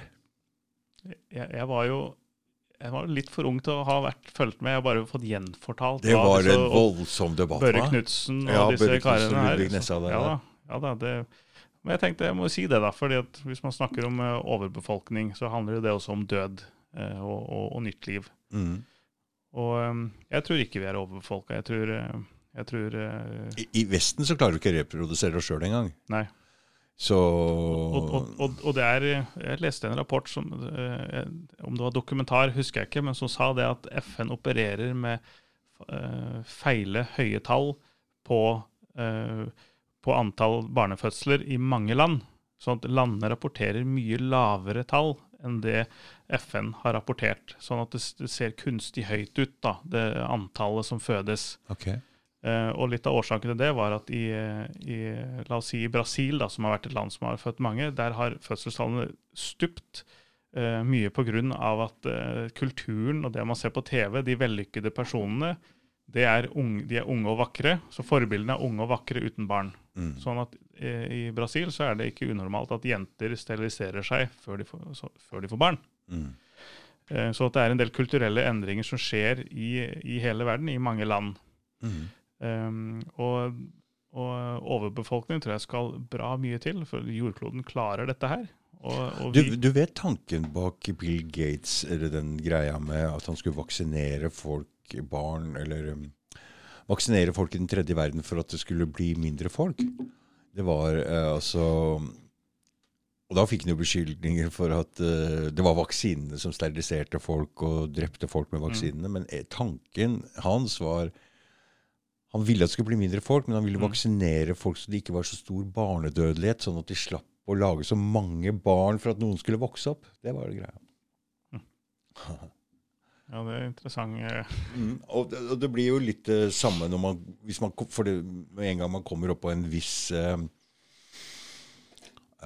økonomisk levestandard, så mm. ser vi at vi får færre barn. Ja, ikke sant? Så, um, Høyere utdanning. Ikke ja. sant? Og man, for, for, i de samfunnene så trenger ja. man barna til å ta vare på seg. ikke sant? Mm. Og så er det regner med at noen dør, og så blir det produsert veldig mange. Ja. Men det, det, jeg, så jeg veit ikke hvordan det fungerer. men... Nei. Et, det var, jeg så en veldig interessant eh, sånn TED-talk eh, fra en biolog i Sør-Afrika som lurte på hvordan de skulle motvirke at vegetasjonen ble så fort borte. og og eh, at dyrene spiste for mye vegetasjon, for det var tørke. Og, hvis dyrene spiste for mye vegetasjon, så ble vegetasjonen borte. Mm. Så han gjorde et studie og han fant ut at elefantene var skyld i at det var så vanskelig, at det, at det, grodde så lite, og at det var lite dyr. Så, hvis, Så han fikk da hele staten med seg til å skyte jeg husker ikke hvor mange titusenvis av elefanter. Mm. For hvis de gjorde det, så ville vegetasjonen blomstre for stor oppblomstring, for, for de elefanter de, de spiste så mye. Mm. Så tenk det, man fikk med seg da, fikk lov, å slakte ned altså, titusenvis av elefanter. Det som skjedde, det de oppdaga, var at det var elefantene som tråkka jorda flat, slik at regnvannet ikke skylte bort jordsmonnet. Mm, mm. Og når du da oppdager det litt seint, mm. så han reiser, han reiser rundt og forteller om den største tabben Ja. som han har gjort som Ja. biolog. Største feil å gi det anbefaling, så det er hans livsoppgave nå. Men en gang man går inn og tar bort noe i en naturlig balanse, så forrykker det alt. Og- Ikke sant? Ja, og, og det han så, var at det de har gjort i ettertid, er å kjøpe masse kveg for å få kveget for å kna bakken, kna bakken sånn at regnvannet trekkes ned, sånn at det vokser mer, og det blir mye mer frodig og grønt, som, som da binder CO2 i lufta. Så det var også et CO2-prosjekt som sier at ja, men hvis vi nå klarer å, å gjøre slike grep i, der det er ørken og tørt i, i, i Afrika og andre, andre sånne karrige områder, hvis man klarer å bruke teknikker sånn at, det skal, sånn at naturen vokser naturlig, mm. altså, og, får, og får mye planter og, og vekst, så vil det binde til seg enda mer CO2. Altså, og det er den største CO2-binderen i, i verden. Det er vel planter, hvis ikke jeg tar feil? Klart det er planter og dyr og mennesker. Ja. Det er det som binder CO2. Det er, vi er bygd av karbon og vann. Det er, sånn er det bare. Det stemmer det. Trærne er vel den største, ja. ikke sant? Altså, men, men, men, og da øh, skjønner jeg at du sier vi er ikke for mange folk, for det er jo utrolig store landområder som er ørken. Ja. Ikke sant? Det er jeg som slo bort. Oh, ja. så, så det er jo mye av jorda som ikke mm, blir brukt. Ja. Så, hvis man hadde klart å mm, lage, lage det grønt der og fint, Ja. så de kan bo der, så er det jo klart at det blir, er god plass. Um, en, eh, en jeg kjenner som er fra Somalia, fortalte meg det at eh, Han sa bare plutselig at vet du dere må slutte å gi, dere må slutte med sånn der, å gi hjelpe, hjelpepakker til, til oss. Dere må slutte å, å betale, gi masse penger. og Dere må slutte så, å kjøpe sånne uh, mat, uh, si, nødmatanordninger til, til landet. fordi det som skjer, er at hvis noen av oss investerer i la oss si, mais, og så bruker vi en sesong på å gro den og høste den, Ødelegge balansen, ja. og så drar vi inn og skal selge det, så plutselig kommer det haugevis av gratis mat fra, fra Vesten. Mm. Ja, og, det, og, og det gjør at insentivet Hvorfor skal vi gjøre det da? Det Tapte penger, alt ble borte, og vi får det uansett gratis. Da ser du igjen, med en gang noen går inn og prøver å forrykke balansen et sted, Ja. med elefanter eller med kunstig mat Ja. eller et eller annet, så ødelegger den naturlige balansen i, i systemet. Ja. Man kan ikke tukle med Guds uh, Nei, skaperverk. skaperverk. skaperverk. Nei, det er Ikke riktig. sant? Det. Nei, jeg er helt enig. Og det ser vi jo når vi skal blande oss inn i alle Ja. andres kulturer og skal lage demokrati, eller hva vi Ja driver og bomber disse landene for. Det blir jo bare surr. Må Ja slutte å blande oss inn i alt mulig vi ikke har peiling på. Nei da, vi hopper litt hit og dit, eh, også i denne samtalen. Så, eh, det, Ja, det gjør vi. Men, så er vi tilbake til Truls sin Ja. motstandskamp. da. Ja, ja og etter at, eh, ja, at det ble litt intern eh, motstand, som sagt, etter jeg var, sto på nyhetene i debatt med Mm, FHI, mm. og som jeg da fikk veldig god respons fra. eh, I hvert fall de som deler samme oppfatning, at, Mm. eh, at det er eh, rett og slett sinnssykt å starte med massevaksinering uten at det finnes eh, positiv helsegevinst som grunnlag på individnivå for det. For her har det blitt en den, den Akkurat den kampen der, Ja. den har samla mange. ja. Og det er ikke rart. Å kaste barna foran der for at uh, noen gamle folk skal føle seg trygge, Mm. er Ja. så feil som det kan få blitt. av barna er jo de vi skal beskytte Jeg er her. helt enig. Jeg kan fortelle en episode da, da i starten, da munnbind liksom ble, ble lansert. Som Mm. fra at FHI gikk fra at ja, men det, det, det, de hadde ikke vitenskapelig grunnlag for å si at dette her ville hindre smitte, Mm. så ble det innført allikevel. Ja, og Bent Høie, vet ikke om du husker debatten med Fredrik Solvang. Og Fredrik Solvang sa ja, men det er jo ikke vitenskap, vitenskapen er ikke tydelig på dette her. Og da sa Høie Dette "Nå må- kan du ja, snakke om! det, nå må ikke du så tvil om dette. Og da tenkte jeg oi, oi, oi, dette var Det, totalitært. det husker jeg. Og, um, og, husk, og så husker jeg jeg og guttungen gikk inn på kjøpesenteret i Hammerfest og skulle handle noe. Og så gikk han med munnbind på. da. Så spør han hvorfor går du med munnbind. da? Jo, i tilfelle noen er smitt, smittsom. Å ja, så du ser på alle menneskene her som smittekilder, du da? Sier han. Så sier han. Nei, nei da. Han som kommer der, det er han smittsom? Nei, det vet jeg jo ikke. Men han som går bak der, da? Nei, hvordan skal jeg vite det? Ja, Så da tror du at alle er en potensiell smittekilde for deg, du da? Og da tenkte jeg, ja, han hadde jo ikke tenkt på det. Selvfølgelig hadde han jo ikke det. Han hadde jo barn. Og så sier jeg ja, jeg vil ikke at mine barn skal gå rundt og tro at medmennesker er potensielle smittekilder. Så jeg vil ikke at du skal bruke munnbind. Etter det han har aldri brukt munnbind. Mm. Og, For det er dette folk går rundt og tror. Jeg har jo merket det sjøl, at folk rygger Ja. jo unna. Folk rygger unna. Ja. Em, første gangen i, under pandemien når jeg tok fly fra Hammerfest, jeg skulle i studio til Kanal 10, og, hadde, altså, og da var kona så nervøs. Ok, da må vi og så måtte du, Hun er eh, jordmor og leder på avdelinga si, og hun eh, sa at nå, nå skal jeg lære deg hvordan du bruker munnbind korrekt. Ja. Så hun satt hjemme i stua, og så måtte jeg øve på Nei, nå gjorde du feil, nå tok du der. Oh, ja. Og så tenkte jeg hva, ja, Nei, og nå glemte du å sprite henda igjen. Og så, så så ok, så rekkefølge sprite henda, og så skulle ta dem på sånn, og så når det er ferdig, så skal du ta den på ikke være borti, og så skal den kastes, og så skal du sprite henda. sånn. Så det var et regime for at det, skulle, for at det ikke skulle være smitte Mm. i henda og munnbindet og ansikt, der det er smittekilder, så, så det skulle bli kirurgisk korrekt. da. Mm. Så sitter jeg der og så driver jeg med dette regimet på flyet. Og så holder på og passer på og har en pose her og jeg har sprit der og holder på skikkelig. Og så ser jeg meg så ser det sitter jo folk liksom og klasker seg i trynet putter i lomma og spiser litt, og så tar opp igjen samme Du, greia. det er nesten like ufyselig som det gamle lommetørkleet. ja, men jeg ser, da er det jo altså, Og da tenker jeg ja, men jeg skjønner at et munnbind kan funke hvis det brukes så korrekt. Mm. Men det gjør jo Nei, nei, gjorde jo ikke det. Nei, Det er ingen som gjør det nå heller. Det ingen som gjør det nå. Det er bare, de har det bare i lomma og Ja. tar fram et gammelt et som de har hatt hele tida. Så, så dette her blir jo skikkelig så Hvis noen tenker at politiske motstandere eller noen hører det jeg sier nå Jeg, jeg mener jo oppriktig, ja, det kunne funka kanskje hvis alle gjorde det rett. Men når man ser at der det har vært munnbindpåbud internasjonalt, der smitten går jo opp der er også. Det er ikke noe forskjell. Nei. Samme, du ser der folk blir massevaksinert, og da særlig syns jeg det var interessant med Gibraltar, med 100 vaksinedekning. De, de avlyste eller jula, men, eller sorry, faktisk.no. Det er ikke sånn at de avlyste jula, men de stengte ned før jula. Mm. For folk fikk lov å feire jul. Men de stengte ned pga. smitteutbrudd Mm. på Gibraltar.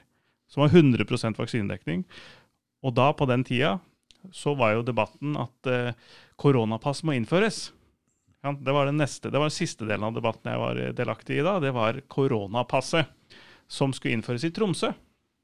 Mm. Tromsøs ordfører sa vi skal være den første i Norge med Stemmer koronapass. Mm, mm, mm. Og da Det er tre-fire måneder siden. sånn. ja, Mm. og det var jo samtidig som det var partiledervalg i KrF. Så det var, og det var rett etter. Det har vært et, et sabla år for min del, for å si det, da, med det ene som har tatt det andre. Og midt i dette partiledervalget, dagen før det skulle velges ny, og jeg var nominert som leder, og det var jo ikke populært, og det var, det var masse, masse greier som har dukka opp. Og han Simon som var her, Simon Friis Larsen, han hjalp meg med å skrive grunnlaget på et leserinnlegg, for jeg hadde ikke kapasitet. Jeg gjorde det til mitt, sendte det inn, eh, og det ble jo ramaskrik. Og NRK ringte og ville ha meg med på debatt. Og da Mm. var det jeg og Einar Øverenge på lag Mm. Mot da ordføreren i Tromsø, og det var eh, helseministeren var det vel der, og, eh, og Nakstad var vel også innom i, på helgemorgen, da. Mm. Um, og, da, og da holdt vi på med debatt i tre uker fremover, live, og, i, og det var skikkelig intenst. Og ordføreren i Tromsø var utrolig aggressiv mot meg, og ufin, og forsøkte seg på hersketeknikk, forsøkte å sette meg opp mot andre KrF-ere, istedenfor å svare på kritikken. For jeg sa at jeg reagerer på at du vil ha koronapass når vi nå ser vitenskapelig at videresmitten blant fullvaksinerte er sammenlignbar med uvaksinerte, da betyr det at det ikke gir mening. Punkt én. Og punkt to er jo at det etiske her i denne situasjonen er jo at du nå gir skylda for uvaksinerte til alt som måtte skje av utbrudd og konkurser.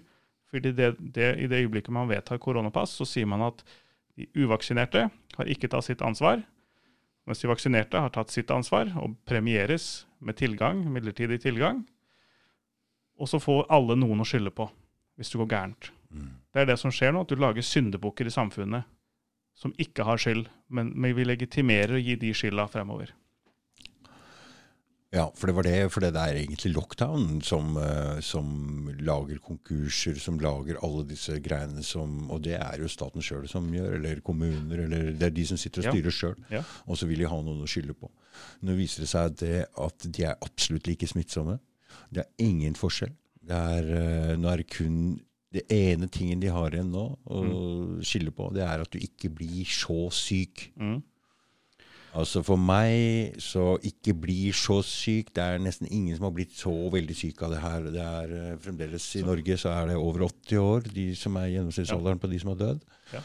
Så Vi kan slå fast det, da. At uh, ifølge dødsregisteret så, så, er det registrert Og de tallene er vel ikke oppdatert før uh, juni i fjor. Si, sa det at 92% av alle som har dødd av korona, har hatt fem underliggende sykdommer. Hjerte-karsykdommer, kreft, diabetes. Um, er dette i verden, eller? I, Norge. I Norge. I Norge. Mm, mm. Uh, så, så så at man har hatt én av fem underliggende på, i 92 mm. av tilfellene med covid-dødsfall. Mm. Og det er alvorlig underliggende. Og, og, det betyr at friske folk i prinsippet ikke dør av å bli smitta av korona. Mm. Men friske folk i hele Norge er livredd for det om. De har ikke fått det med seg, fordi at man har sett på nyhetene at, at 20% kan få long covid. Så long covid, vet du. Ja, long covid. Men, men hør, nå, hør, hør, nå, med long mm. covid. Uh, hvis du tror på long covid Altså Jeg altså går rundt og tenker jeg har litt vondt her. Det er en eller annen ting her som jeg har. Jeg tenker Hvor kommer den fra? Hvorfor det? det er vondt der? Er det av det? Er det på grunn av det? Du kjenner godt etter nå. Ikke sant? Du kjenner godt etter. Og jeg var smitta av ganske sterk influensa mm. for um, ja, rett før dette utbruddet. Mm. Og den satt i lenge hvis jeg kjente etter. Jeg var litt tett inn Så det var, det var der ganske lenge. Mm. Hvis man kjenner etter ja. ordentlig, så kjenner man, man kjenner veldig mye. Derfor har jeg ikke lyst til å nærme meg den vaksinen engang. For tenk deg hvordan hjernen din fungerer med å tenke på Er det, er det vaksinen? Er det vaksinen? er det long coviden? Mm. Og da klarer du å mane fram noe, altså. Da, da jeg mista jobben i høst, det, da var Ja, Nå kom vi inn i din For du, ja. det, mer, det, har skjedd mer med deg etter at du har gått inn i denne debatten her. Du har nemlig kosta deg litt òg? Ja, for uh, jeg var leid inn uh, som markedsfører i et nederlandsk firma. Mm -hmm. Som jeg har hatt i fire år. Og det har vært hovedinntektskilden min, det samarbeidet, gjennom fire år. Reiser du dit, eller er det bare Ja da, jeg har reist mye. Mm -hmm. reist mye med og jeg har vært uh, veldig fornøyd med mm. jobben og inntekta derifra. Mm. Og så har det vært temaer gjennom Siden vaksinen ble sluppet, så var det tema når kommer den til dere, og når får du, og når er det din aldersgruppe, alt dette her. Og så mm. kjente jeg på det, tenkte jeg at ja, men uh, jeg var jo ikke bestemt meg jeg skulle, skulle vaksinere meg tidlig i, vår. og så jo mer jeg lærte, så tenkte jeg at ja, men uh, jeg slutta å bli redd for å bli syk. Mm. Og da følte jeg ikke heller behov for å vaksinere meg. Men det som kom frem da, var i det møtet, når jeg sa at eh, jeg nok ikke kom til å vaksinere meg, så sa jeg ja, men long covid. Så sier jeg ja, men eh, hva, hva med det? Jo, men hvis man vaksinerer seg, så, er, så, er det, så, får, så får, man ikke long covid heller. Mm -hmm. Men det ser vi nå. Nå er det kommet en studie nå i januar som viser at eh, det er ikke noe forskjell på vaksinert og uvaksinert og long covid. Mm. Men da så var det et argument. Ja, og, og da ble det Og så sier jeg at ja, men ja, men jeg har lest om, eh, om, long covid, og jeg ser at det er helt normalt etter en alvorlig virusinfeksjon av at du kan oppleve utmattelse, altså fatigue. Mm. Og jeg har også lest at det går an å gjøre noe med.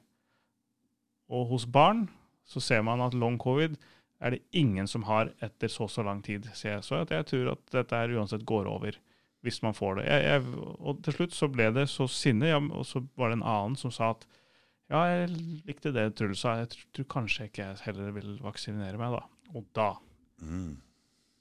Da eh, ble samtalen avsluttet, og så gikk det over i chat, og da fikk jeg en, eh, lang melding som sa noe om at jeg er eh, sinnssyk hvis ikke jeg ser til å vaksinere meg, og du må stole på vitenskapen. Her i firmaet så stoler vi på vitenskap. Og eh, når du sier at når jeg ikke vaksinerer meg, så er det andre her som heller ikke vil gjøre det, og vi kan ikke ha en sånn uholdbar situasjon. Mm. Og, um, og, eh, og, så argumenterte vi frem og tilbake, da. Um, og hvor jeg sa at de har jo ikke noe med, med om jeg vaksinerer meg eller ikke, og jeg syns ikke noe om dette presset. Og da, da, endte det med at jeg uh, fikk bare melding at uh, ja, da har du herved mistet et vennskap og en jobb. Mm. Ferdig. Og da jeg på, måtte jeg gå på dagen, selv om de betalte, betalte ut uh, oppsigelsestida. da. Men hvis man velger å stå i sannhet og for det man syns er riktig, mm. så skal man få tilbake andre steder. Det er min ja. altså, og selv om du har møtt motstand nå i det politiske partiet ditt, mm. så ser du det vokser opp en annen gruppering med støttespillere, og ja. det vokser opp noe nytt. Ja. Når det gjelder jobb, det, hvordan ser det ut der? Åpner det seg andre muligheter for deg der? Ja, jeg kan jo si det at et, jeg har jo ikke sagt, gått ut med det før nå fire måneder etter at jeg, det skjedde. Mm, mm. Og eh, eh dagen det skjedde, så ringte det meg en eh, kristen bedriftseier som sa det. Hei, jeg driver en IT-bedrift. Jeg leste saken, jeg har sjekka deg på LinkedIn. Jeg vil ansette deg i dag. ser du hvordan ting, ser du hvordan ting er? Ja. Det, altså, det er Vi kan ja.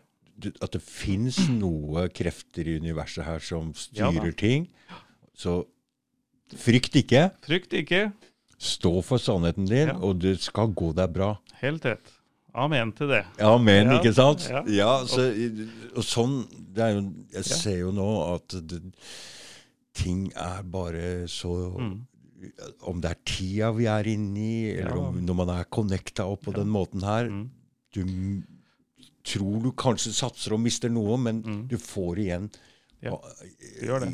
Så lenge du, som du sier, hvis du står i sannhet mm. og, og, omfavner det du mm. må, du, må, gi deg hen. Ja, og, og, ja. Jeg vil si det at, eh, som jeg nevnte i sted, at jeg tror det nordmannen egentlig ikke vil risikere, er omdømmet sitt. Mm. Man er så redd fra hva andre skal mene om det du sier. Men du veit, ting er i forandring nå, Truls. Ja. Og hvis man, vi står for det riktige her nå, og la eller ettertiden gjøre en eh, Og uansett om hvordan ting kommer til å se ut etterpå, mm. Mm. Så det å stå opp for noe som vi mener er urett, det må være riktig. Ikke sant? Ja. Og det trengs Det er ikke sikkert vi har helt rett engang, men å, å, å, ha den stemmen i for å balansere det som skjer, ja. mm. det må bli sett på som riktig. Jeg ja. tror vi gjør det riktige her.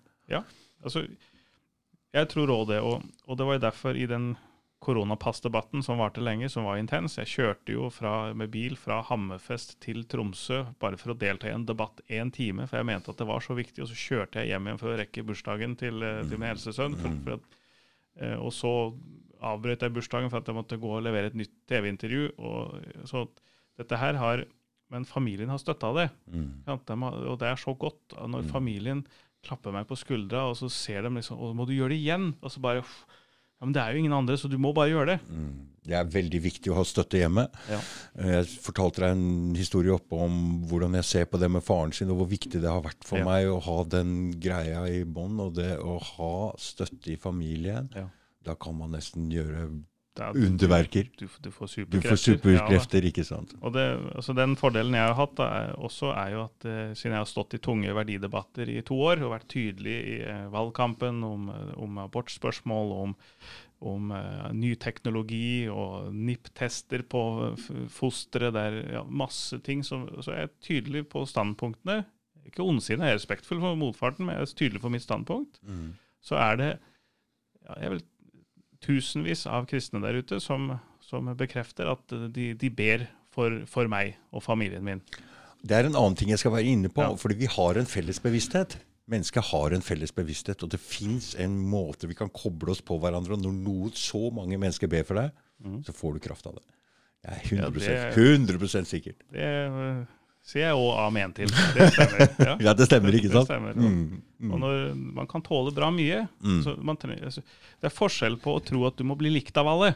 Altså, du, det, altså, det er ikke mitt hensikt når, jeg, når folk syns kanskje jeg er litt støyete som politiker, og kanskje i det etablerte i eget parti også, eh, fordi at jeg gjør ukontroversielle ting. Men det er fordi at jeg mener det er rett. Og du gjør det ikke for deg sjøl, for det koster deg egentlig ting. Ja. ikke sant? Men når man, jeg tror bare når noen folk får en sånn greie, en sånn energi, så de bare, bare må følge. Ja. De må følge den. Ja. Og, og det er sånne folk vi Jeg vet ikke om man, hvor man får den Kobler seg på den energien, men jeg tror man må være jeg tror man faktisk må rense seg litt inni først for å kunne koble seg på en sånn og bli utvalgt. Truls, faktisk utvalgt. Ja, Det er ikke noe, Man presser seg ikke fram for å vise fram seg sjøl. Det er noe annet som driver den drivkraften her fram.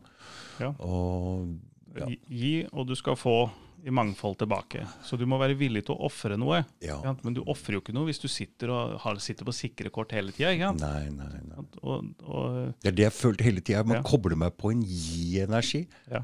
Jeg har prøvd å jobbe litt med det sjøl også, Mm. og jeg ser jo nå at jeg føler at det er noe jeg på en måte gir. da. Mm. Jeg hadde aldri noe lyst til å stikke meg fra. Jeg orker ikke å se på meg. Jeg hater å høre min egen Mm. stemme og alt det der og greiene. Jeg hadde ikke lyst til det i det hele tatt. Men jeg føler at det er noe jeg gir sånn. og jeg får igjen så jævlig mye ja. andre steder, så det går ikke an å Folk begynner å prate om penger. Jeg skjønner ikke hva dere prater Nei. om engang. Hva hva det har med penger å gjøre Ja. i det hele tatt? Det er ikke noe Nei, med det å gjøre. Nei, det kan ikke ha noe med det å gjøre. Og det, så trenger jeg en god energi på det her, for Mm. det, det, det tar veldig mye tid. Ja. Men, men det er bare en glede å Jeg kobler meg på en greie. Ja, men altså, jeg, Jeg vet ikke hva det er. Jeg kobler jeg meg på en energi. En hørt- gi-energi. Ja, ja, men når jeg, når jeg hører på deg, og når vi har snakka før i dag, og, og sånn, så hører jeg at du har jo fått kunnskap og kompetanse over mange temaer, fordi at du hele tida snakker med nye folk som vet ting du ikke vet. Mm.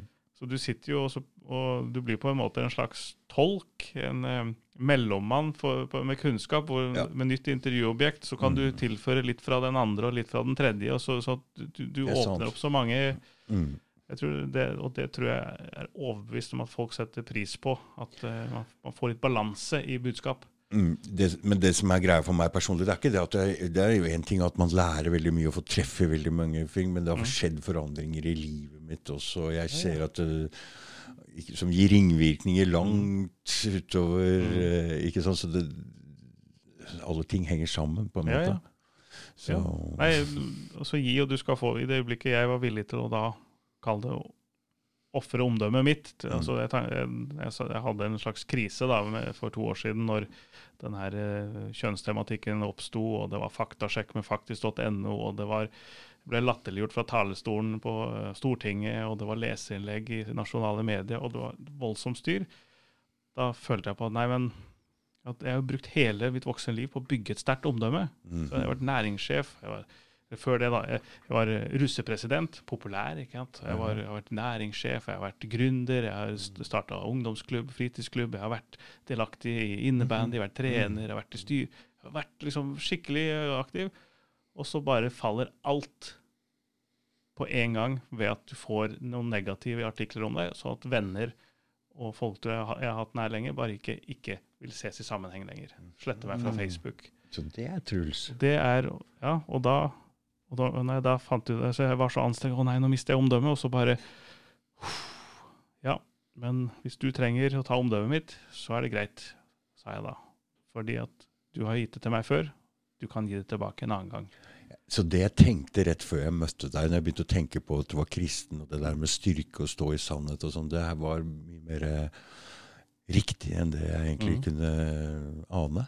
Ja. For uten, uten troen på Jesus og sannheten og den tryggheten der, så hadde du aldri klart det. Nei, det, det hadde ikke gått. Nei, det hadde ikke gått. Ikke er- sant? Fordi man må ha en eh, noe trygghet som Ja. gjør at du tør, at du klarer. For Ja. du har jo satsa ganske hardt her. Og fra det punktet til i dag, så har jeg da den tredje største Facebook-kontoen eh, i KrF. Mm. Ja, så, og, og selv om Og jeg tror det kommer til å styrke partiet på sikt. Det er det jeg tror. Ja, det er jo positivt hvis jeg gjør det, men jeg vil jo heller at det som jeg sa tidligere, En journalist som skrev til meg i dag, han lista opp alle kontroversielle ting jeg har gjort som partiet ikke stiller seg bak. Mm. Det kommer en kjempestor sak i Vårt Land om det, om hvor, hvor illojal, eller hva du skal kalle det. Altså, masse, masse saker. Jeg syns ikke det var så ille, men jeg tenker at noen, noen nok tenker det. Der hensikten er å få partiet til å ta avstand fra meg. Mm. Med denne artikkelen så er hensikten å, å, ta avstand fra denne radikale gærningen. Så eh, NRK omtalte meg i en sak. Truls Olufsen Mehus radikal og konservativ. Sant? Mm. Så, det er jo da den overskriften er jo eh, ikke ment å gi Radikal betyr det veldig voldsom, eller hva betyr det? Ja, de mener at, ja, så det er to negative ord som de forsøkte å, å beskrive meg med. Konservativ, er det et negativt ord? I Norge så er Konservere er vel ikke så veldig Jo, men i, i, det, det, er om, altså det er bedre å være progressiv og Ok. liberal, for da skal, skal du noen plass. Du blir bedre og åpen og alt det der. Men hvis du er konservativ, så er du fastlåst. Og hvis du er Men du er jo ikke fastlåst, Truls, for du følger jo med i hva som skjer. Det er jo de andre som ikke tør å forandre mening om noen ting. Du er jo Ja. våken når det skjer noe her, og kaster deg inn i en debatt som nesten ingen tør. Det er vel ikke å være konservativ, egentlig? Eller? det, det, er, det er vel derfor både Jeg tror, disse ord, jeg tror disse ordene her må Ja. bort. Ja, båssetting og Helt ord og jeg tror. Fordi vi er nå, verden er i en så stor forandring, så vi kan faktisk ikke bruke de gamle orda som vi kaster om. Vi kan ikke bruke venstre, høyre vaksinemotstander, Ja, vitenskapsfornekter ja, Disse ordene her, ja, de er jo konstruert for å Ja, men de, men de gjør jo at altså. Mm. folk, folk brukte det om meg før jeg hadde kommet ut som uvaksinert. Mm. så så, så når, jeg, når, jeg snak, når jeg snakka om det fag- Kommet ut av skapet, faktisk! Ja, som uvaksinert. Det burde de ho- homofile kanskje Så- ta til seg. Og du har kommet ut av skapet, og du bør uh, respekteres. Tror du jeg får et eget flagg? Jeg vet ikke Jeg skal spøke om det, for plutselig så tilter det for noen som hører på. Det, det, som jeg, det jeg tenkte også å si om, eh, om perioden som var med koronapassdebatten, for Mm. den, den ble så tung. Altså, det ble jo mobilisert eh, demonstrasjoner i Tromsø. Eh, fler, så mange debatter med, med ordføreren at han, han, han var oppriktig lei. For han, han hadde jo ikke kunnskap. Nei. Han satt ikke med noe kunnskap Nei. om verken stati statistikk, hva som skjer internasjonalt. Han kunne ingen studier. Ingen studier hadde han lest om, om eh, vaksinene eller forskning på det ene eller annet. Han kunne ingenting. Og når jeg sa det at ja, men vi må jo ha en debatt, når Nakstad sier at han vil stenge ned eh, landet fordi at han skal ha sykehusene til å gå på normaldrift i en livsfarlig, dødelig pandemi. Mm. Det må jo vi diskutere politisk, for da er det jo politikk. At Nakstad, som vil ha normaldrift Vi har beredskapsplaner sa jeg, som vi skal ta i bruk på sykehusene. De er ikke tatt i bruk. Og du ser bare at han blir blank på øya. Han, får, han skjønner jo ikke hva jeg sier. Men han, han snudde i det der.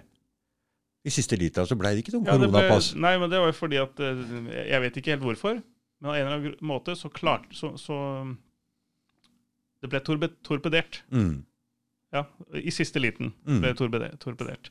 Og, jeg, og, og det presset som vi la, jeg er overbevist om at det har, eh, det har eh, medvirkende årsak. Fordi hun, Vivian Sanne satt her og skulle ta flyet til Tromsø, måtte dra en dag før fordi det skulle innføres da og da, men det ble aldri av. Sier du det, ja? Ja.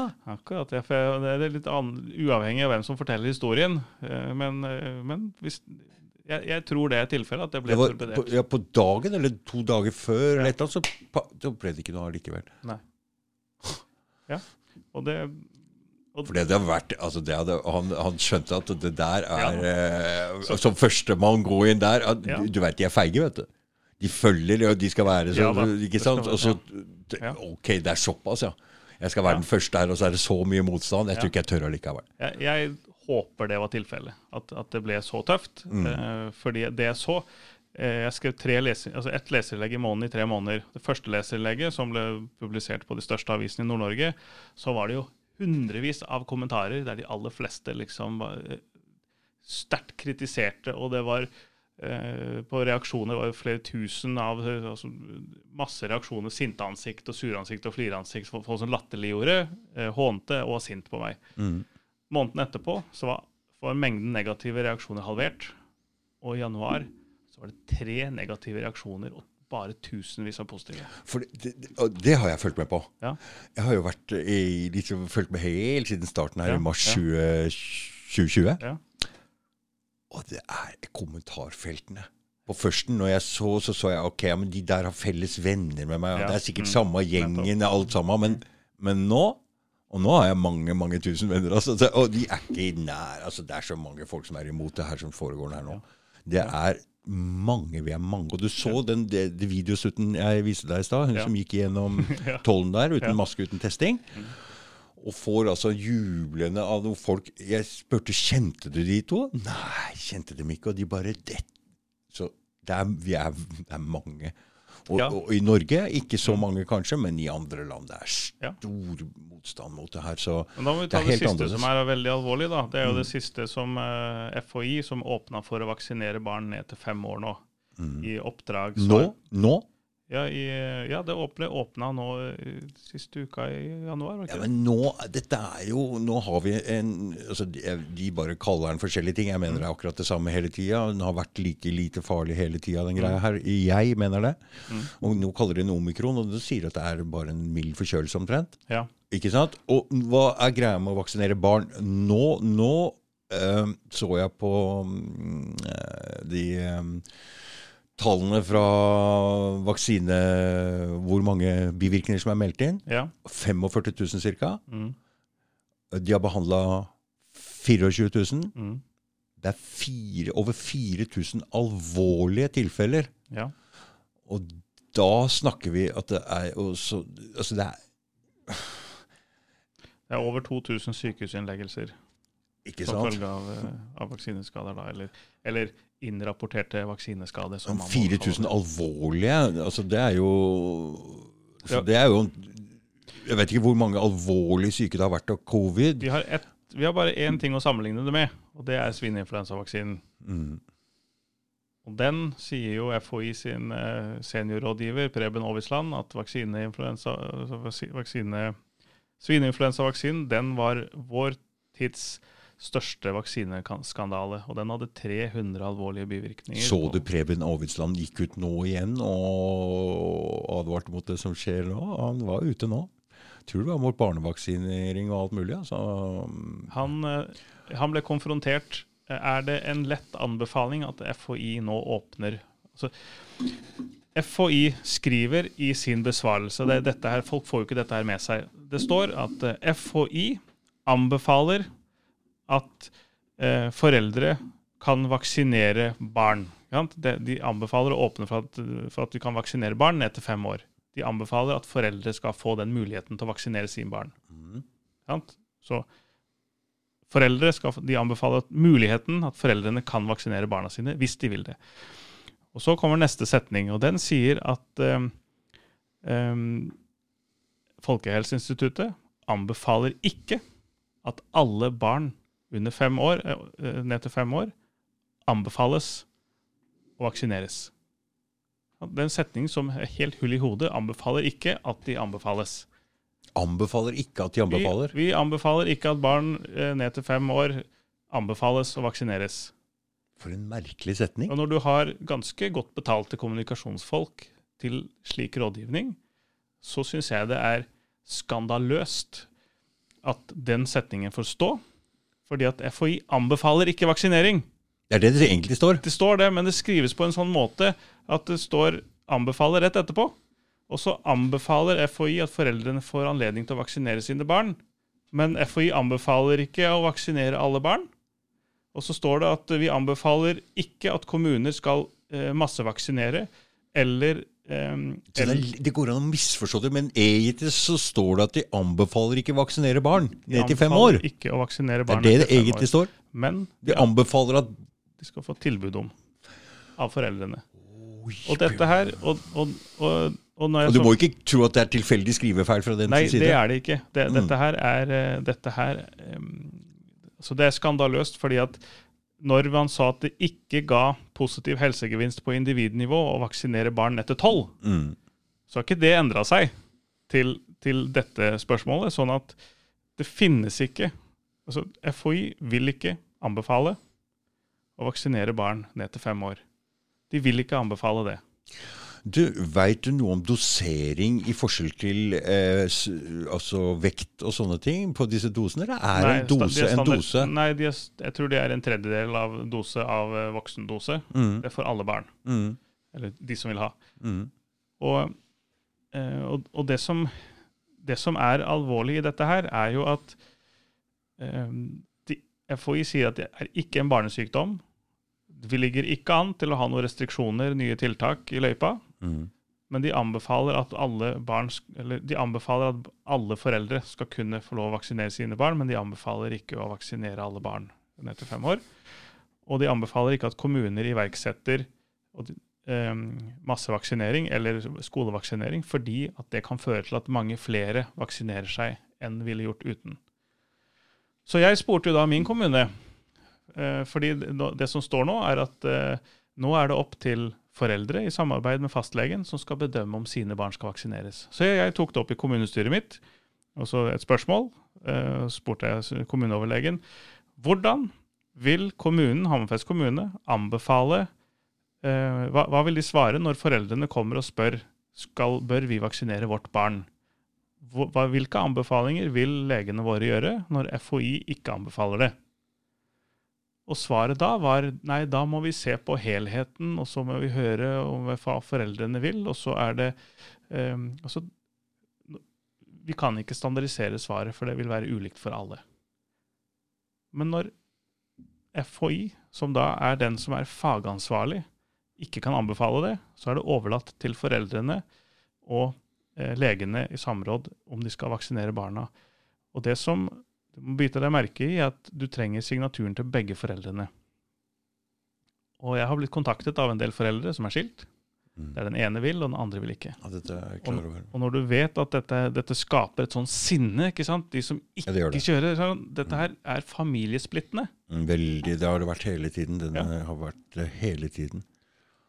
Og, og, og, men, s- så nå er vi i gang med å jobbe videre med annonsering og dette oppropet med, for, å, for å få mer trøkk på å stoppe dette, dette eh, altså FHI kan ikke anbefale, kan ikke åpne for vaksinering når de ikke anbefaler det. Mm, Det helt, det, det går ikke an. mm, Det, det gir ikke mening. Også, akkurat som at det kobler ikke. fordi at jeg snakker med en del eh, eldre som sier at ja, men Truls, du må huske det at vi er jo voksne, vi husker historien vår, og vi vet jo at vi kom jo at når vaksinen kom, så redda den liv, og da tenker vi at når, vi får vaksine mot covid, så er det det samme, så, så vi er jo positive automatisk. mm. Ja, sier ja, og det er, jo, det er jo litt av utfordringen. For dere tror, dere tror at det er noe det ikke er. Og dere tror at denne vaksinen du se, altså Hvert enkelt foreldre også kan ikke ha muligheten til å sette seg den. og Ikke ordføreren i Tromsø engang, som skulle Nei, ta den nei. avgjørelsen der, er villig til å gå inn og sette seg i argumenter på begge sider og lese om hva egentlig en vaksine er. Mm. Så kan du ikke forvente at heller foreldre gjør det. Men dette her handler hele tiden om at vi må vokse opp. Vi må bli voksne, alle her, og ta ansvar Ja, for ansvar, seg ja. sjøl og sine barn. Og vi må lese oss opp på hva dette er. Det gjelder alle ting. Ja. Det gjelder ikke bare vaksiner, men det gjelder alle ting i samfunnet. Og, og jeg vil si at Ordføreren i Tromsø var et bevis på det jeg sa i sted, at det er to typer politikere Norge har fostra opp nå. Det er de som formidler politikk, som står i programmet. Er god til å formidle, altså smile og, og bli godt likt. Og så er det de som ikke sier noe. Og når du formidler politikk, så kan du ikke bakgrunnen for det. Og Det er derfor ordføreren sa til meg at vi må jo gjøre det vi får beskjed om av helsemyndighetene, sa han. Mm. Jeg sa at vi må, vi må stille, ans så stille de til veggs. Mm. Det er politikk i det området her. Nei, vi kan Men sånn er det. Du, hør nå. Vi har noe mellom øra og munn.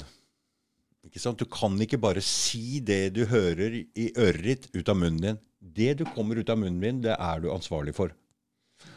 Ikke sant? Ja. Og det gjelder også i partipolitikken. Så det gjelder egentlig nyhetsoppleserne på TV. Det gjelder alle. Vi er ansvarlige for de orda Men det er ingen som egentlig tenker over. Nei. Derfor så er det ikke bare å stå i sannhet, men man må jaggu meg tenke over hva man sier. Ja, det går med mye tid når man skal tenke når man skal Mm. Ikke sant? Ikke sant? Kan jeg si dette, da? Yes. Mm. Og så, må og så Mm. havner jeg ned i kaninhull med masse informasjon, og så Yes. kommer du opp på andre sida og tenker oi, oi, oi, nå tror jeg jeg må vente enda litt lenger, for det var enda mer jeg måtte vite. I hvert fall må du må ut med det offentlige, så må Ja. man i hvert fall tenke seg om. Ja. Det er det jeg mener med å være Ja. ansvarlig. Og det betyr rett og slett at alle mennesker må opp og bli mer voksne. Ja. Og det gjelder alle på hele planeten her. Vi må vokse opp Vi må Ja. Vi er barn.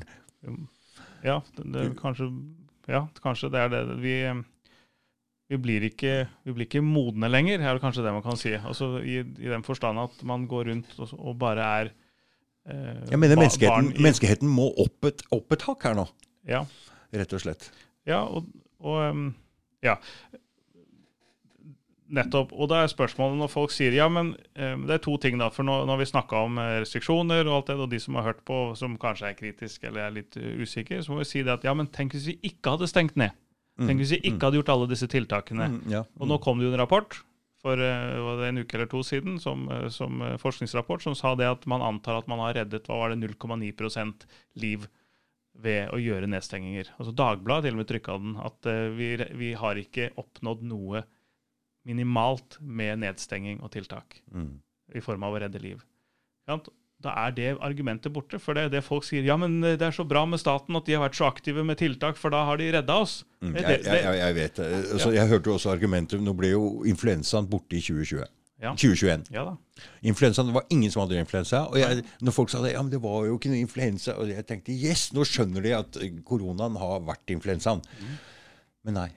Det var ikke det. Det var Mm. Pga. tiltaka. Så den var influensaen var borte Ja, på grunn av tiltaka. Og Jeg bare åh, jeg, Og jeg s- jeg, Og jeg så et studie, og det er jo det er kanskje farlig å si det, men på et universitet i USA, husker ikke universitetet nå, men det ble delt av eh, Kari Jakkesson. Ja, og det er jo da upålitelig kilde å lese noe Kari Jakkesson deler. Men jeg leste det da, fordi at jeg så at det var en, det var en presentasjon av et universitet som, som fortalte om hvilke dødsårsaker som gikk ned ettersom covid-dødsårsaken gikk opp. mm? Og de sa det at det korresponderte helt med hjerte- og karsykdommer som gikk ned, mens det covid-relaterte covid-relaterte dødsfall gikk opp. Og den korresponderte helt. Og da tenkte jeg dette her må jo være, må jo være fake news. Det kan jo ikke være sånn. Da må jo alle vite det. Det er jo, det er jo skandale igjen. mm. Og dette var jo høsten 2020. Og da tenkte jeg dette her er jo det, det, Men hvorfor korresponderte dere med hjerte- og karsykdom? Jo, fordi at um, hjer- det, Alle som dør av hjerte- og karsykdommer per måned, er ganske kon konstant. mm, ikke sant? mm, Og så plutselig ser du antallet reduseres med la oss si 4000 per dag. mm. Og så ser du antallet med covid-dødsfall øker med 4000 per dag. Fordi de døde av hjerte- og karsykdommer bare var smitta med de, de Ja, men registrert som positiv- covid. covid. Mm, ja. Og, så, og vet du hva de sa på universitetet? Don't shoot the messenger. mm. De sa det. Dere kan ikke, dere kan ikke, dere kan ikke Det er ikke vår skyld. Nei, det er ikke vår skyld at tallene vi sier. Og, da, og det er summen av sånne ting. Og, og, når jeg har sett Ja, det, så ja, går det ikke an å ikke se det. Nei, nei, altså jeg også. Jeg, jeg har sett så mye løgn og fanteri og juks med disse tallene at uh, blir du tatt ganger, tre ganger i uke for meg, så er du ikke pålitelig lenger. Det, det er, hør på det ordet. Politiker? Ja, det er-? Politiker? Ja, det er ja da. Men Du er, i, jeg, jeg også reagerer på at man hele tida har flytta målstengene under pandemien. Jeg syns det er helt uholdbart. Mm. Og at jeg syns det er skremmende at vi blir så Med vaksinen også. Med vaksinen også. Flytta målstengene hele tida. Den Ja. skulle redde oss fra Ja Nå er det bare det ene at det ikke får alvorlig sykdom. Den Ja. smitter like mye. Det er, blir, altså det er Det, det, det er, eh, altså hvis man går Og likevel skal de presse gjennom koronapass. Jeg sa det uh, her på podkasten nå, at uh, de skal Ja, det sa jeg vel i stad. Den nye høringen, det var liksom de skulle ha en um, koronapass som var fri, mer fristilt fra Stemmer. pandemiloven. Mhm. Og da begynner du å lure på fristilt fra pandemiloven? Koronapass? Hva er det, det er jo det vi har mistenkt hele tida, at det skal være en digital ID, en slags sånn Her kommer du ikke inn, en Kina-variant. eh, Og i dag varsla regjeringen at de vil, eh, de vil eh, standardisere norsk koronapass etter EU-reglene. Og skal følge nøyaktig de samme direktivene som EU-koronapasset. Så, så jeg, tenkte kampen var over her når jeg gikk i demonstrasjonstog her, og jeg så fakkeltog helt fra Jernbanetorget og opp Ja. så langt du kunne se. ja, Jeg tenkte game over her nå. ja. Men nei. Ikke Nei, game over. og det er det som er skremmende, for at koronapass-ideen fortsetter. Mm. Og, og, men la oss si, da Det som skjer nå, er at uh, pga. omikron, la oss si det, Mm. så blir alle smittet og får naturlig immunitet. Mm. Og så dør det sakte ut, og så klapper man seg på skuldra. Flaks at vi gjorde så mange tiltak, så vi reddet liv. Flaks at vi gjorde, har gjort alt det vi gjorde. Vi gjorde alt vi kunne for å redde liv. og, og, alt, alt det man forteller seg sjøl for å ha historien rett skrevet ned. Og at takket være vaksinen så ble alle immun. Fordi alle var Ja, så klapper man. Og så spoler vi frem noen år. Vi er jo lovet mange pandemier. Vi har jo lovet pandemier. Dette var den første. Altså, vi har jo lovet eh, det, har jo sagt disse lederne at ja, vi må forvente at det kommer flere og hyppigere pandemier i fremtida fordi vi bor så tett og alt det der. Og nå har vi da, hvis ikke vi reverserer alle disse kortsiktige lovendringene vi har gjort nå, og restriksjonen altså, og, og retningslinjer, i så, så er det ett knips, så er vi tilbake på nivået som vi er i dag. Med koronapass. med, koro- med alt du kan tenke deg. Og, og da er det sånn at barna, hvis de har fått noen år på seg, De husker det. de husker det jo. Så de er jo innstilt på at ja, vi må bare gjøre som vi får beskjed om. Ja. Så at det Men vil jo være jeg kommer også til å huske det. Og denne gangen, denne gangen her, de kan bare prøve seg med det her en gang til. Prøv dere med det der en gang til. Ja. Det skal vi jaggu meg se være øh, to om, for det, nå er det mange som er imot det her òg. Altså, så får vi Ja. få se. Og, og så Det er derfor de prøver å slutte mens leken er god, og innfører koronapasset Ja. øh, mens vi nå slapper av. En, ting vi ikke har, en gruppe som vi ikke har nevnt, som jeg har lyst til å ta opp, og det er, eh, det er eh, små og mellomstore bedrifter Oi, i, under pandemien. Mm. Um, jeg er jo gründer sjøl og har vært næringssjef og, og har, er veldig tett på næringslivet. Og, og, har, og har fulgt veldig tett på hva som har beveget seg her. Og jeg har reagert på at det har ikke vært ett det har ikke vært én politiker, ikke én organisasjon, som har talt små og mellomstore bedrifter sin sak hittil i pandemien, før SMB Norge i, før jul sa at nå går vi til sak mot eh, staten. Det, og det var den eneste som, som har talt eh, næringslivets eh, sak. Ingen andre. Og det som skjer nå, er at det vi må huske på, er at eh, eh, 75% tror jeg, av alle gründere i Norge er menn. Og de har vært travel under pandemien med å få ting til å gå rundt. De har ikke deltatt i debatten, de har ikke sagt sin mening, og de har gått så langt at de var villige til å gjøre hva som helst. Ja, få noe koronapass da, så vi kan åpne hvis det er det. Mm. Ja, De er villige til å gjøre hva som helst. Og så begynner politikerne å skylde på næringslivet. De vil ha koronapass. Ja. Så de, de skyver næringslivet, små, og mellomstore er- bedrifter, foran media, seg. media gjør det i hvert fall. Ja. Mm, mm. Og for at, ja, se, de vil ha det. Mm. Derfor, derfor må politikerne ha det. Og ordføreren i Tromsø sa det òg. Ja, næringslivet vil jo ha det, sånn at de kan holde åpent. Mm. De blir fortalt denne løgnen om at ja, med koronapass, da er det trygt. Er- Da, da, er det liksom, da er det rettferdig å holde åpent. Mm. Og, og det vi ser nå med alle som har gått konkurs eh, i det stille, og de som kommer til å gå konkurs i det stille, de har ikke mer kamplyst igjen. De har brukt kamplysta på to år med å forsøke å holde åpent, forsøke å litt til, å strekke seg litt til, tar litt mer lån personlig, litt strekker, strekker. De har ikke noe mer å gå på. Og, det, og grunnen til at jeg sier dette her, at vi, vi kan ikke tillate en eneste til nedstenging nå. Vi kan ikke tillate det, for da kommer det kommer til å rakne noe så innmari, Mm. det som skjer nå. For de har allerede De- de, de- de, de skylder penger, de ligger Ja. helt ikke sant, og varer. det. For det koster å holde alle de som har holdt nedstengt. Og et eller annet sted de må ha igjen penger. Ja.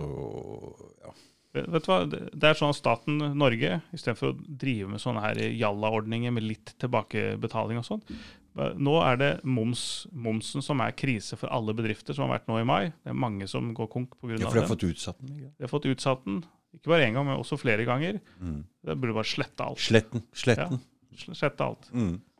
Da, da er det fair. Men, men de må være klar over at dette kommer til å slå tilbake som en bumerang hvis det, dette her rakner, og alle disse folka de kommer til å bli så forbanna etterpå at eh, de kommer eh, til å stå imot. og De må ikke prøve seg på dette en gang til. altså. Nei, men det som skjer nå, er at når alle har et minne om hvor brutalt dette har vært, Mm. så er det veldig få som vil forsøke å starte på nytt seinere. Så da er det bedre å få seg en trygg jobb i staten. Ja, det er, nå er det utrolig vanskelig å tørre å begynne med noe. Ja, ja. Ikke sant? Så du har det trusselen henger over huet, at det blir lockdown. eh, Ikke sant? Det er utrolig Fra starten av, når den første nedstenginga var, da så jeg at det ble klasse, klasseskille. Fordi alle i staten fikk fortsatt full lønn. Uendret om de var på jobb, eller om de hadde hjemmekontor, eller om de var opptatt altså, opp, Uansett hva de var opptatt med. Det var ikke ett menneske. Kanskje blir, vi blir faktasjekka nå, men jeg tror det var ett eneste menneske i offentlig sektor som har blitt permittert under hele pandemien. Mm. Under noen nedstenginger. Mm. Ingen. Men det har vært ganske mye overtid på mange som har jobba mye. Fordi mm. at man har smittevernvakt og man har smittesporingsteam. og ja, du har Det har vært mange sykemeldte og borte. ikke sant? Ja. Mm. Men lønn har alltid vært der. Det har mm. aldri vært en faktor noen har tenkt å bekymre seg over i offentlig sektor. Mm. Og hvis ikke du har kjent på den bekymringa, da har du faktisk ikke deltatt i pandemien. Hvis ikke du har kjent på den pandemien, ja, Så kan du si ja, men jeg har mistet noe. Men, men helt, helt, ærlig, hvis ikke du har kjent på den økonomiske bekymringa under pandemien, da har du faktisk gått glipp av ganske mye. Eh, og da, da, mener jeg at um, da, er det, da er du faktisk eh, blendet for den konsekvensen. For det har ikke ramma deg, og du forstår det ikke. Mm. Og de fleste, de fleste, i Norge tror jeg har en fast og fin jobb eller en eller annen plass. Og hvis du da, um, hvis du da ikke har kjent på den bekymringa, økonomiske bekymringa, som, som, disse tiltakene har gjort, da har du heller ikke forstått hvor urettferdig det har vært. Mm. Men det er, det er, når du begynner å snakke sånn som det her, så Hvis vi skal se hvor mye dette har kosta samfunnet Utrolig ja. mye penger. Mm. Utrolig mye penger, altså. Og regninga har ikke kommet ennå. Fordi, og nå kommer strømmen dyrere. Alle er nødt til å sette opp mm. prisene. Det er vi som må betale, så det er jo kunden som må betale til slutt. Mm. Eh, bedrifter, strømmen går opp, ok, de må sette opp prisen på varene sine. Um, staten har pøst ut en haug med penger. Mm. Uh, hvem skal betale? Skatter Altså, vi har ikke fått regninga på det her ennå. Ikke sant? Vi har lånt oss til det. Vi har uh, skyvet det foran oss. Yep. Og når vi ser nå at renta går opp i tillegg, og folk har lånt så altså Vi har lånt som Hvis det boligmarkedet og næringslokaler også nå ja. Hvis dette ryker Det ryker så voldsomt så det ja. uh, og, ikke sant, Når den Ukraina-konflikten stenger den uh, gassgreiene mm. altså Dette her er en Jeg tror det er en, en styrt kollaps av, av, av, dette systemet her i Vesten. Det er det jeg tror. Og så får vi se hva dette kommer ut av. Og jeg håper at folk eh, følger med nå. Ja, jeg vil nok ikke si alt jeg tenker om det samme, men jeg, at jeg har noen ganske klare tanker om det som eh, foregår. Så jeg har gjort en del med min egen beholdning, mine egne, det, det der jeg har spart, og gjort endringer. fordi at jeg også har trodd at dette er det vi ser nå, det, det, det er mye som kommer til å, å kollapse mm. pga. de tiltakene. Og um, så har jeg reagert på den verdiforflytninga som har vært i verden. At de rikeste har blitt 70% rikere. Ikke sant? Hvor kommer de penga fra? De kommer av folk, de, altså alle disse tiltakspakkene. Ja, det, og det kommer fra vanlige folk. Altså småfolket, da, mm. for å bruke det. Og, um, og, og, den krisen der, den er så undervurdert. For WHO skriver på sin side jeg tror det er 1,5 milliard arbeidsplasser står i fare, sier de. Mm. Globalt. 1,5 milliard.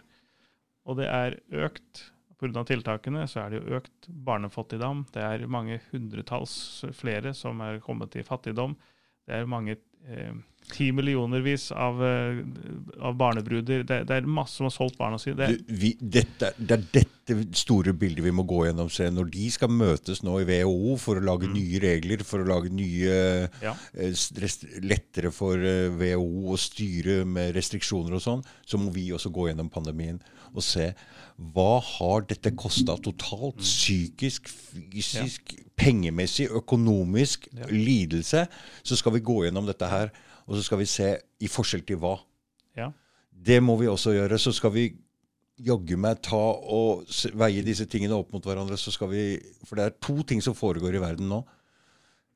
Det er det, Dette er Ja, det kan Det er en veldig spesiell tid hvor de prøver å få mer kontroll og mer makt og mer eh, styrke den staten og det lockdown-greiene der og den autoritære greiene. Og så. Får vi også prøve å gjøre opp en konklusjon om hva som har skjedd. Ja. Det er, det er jeg, jeg tror en av overskriftene jeg hadde på et av leserinnleggene mine, var eh, når, når totalitarisme blir, eh, blir standard for eh, det vestlige styre, altså vestlige måten å styre på. Mm. Da, da burde det ringe en bjelle. Mm. Og det, og, og det, det er Vi er født inn i et demokrati. De fleste av oss vet ikke hvordan det ble til. De fleste av oss vet ikke hva rettsstatsprinsipper, hvordan, hvordan de fungerer.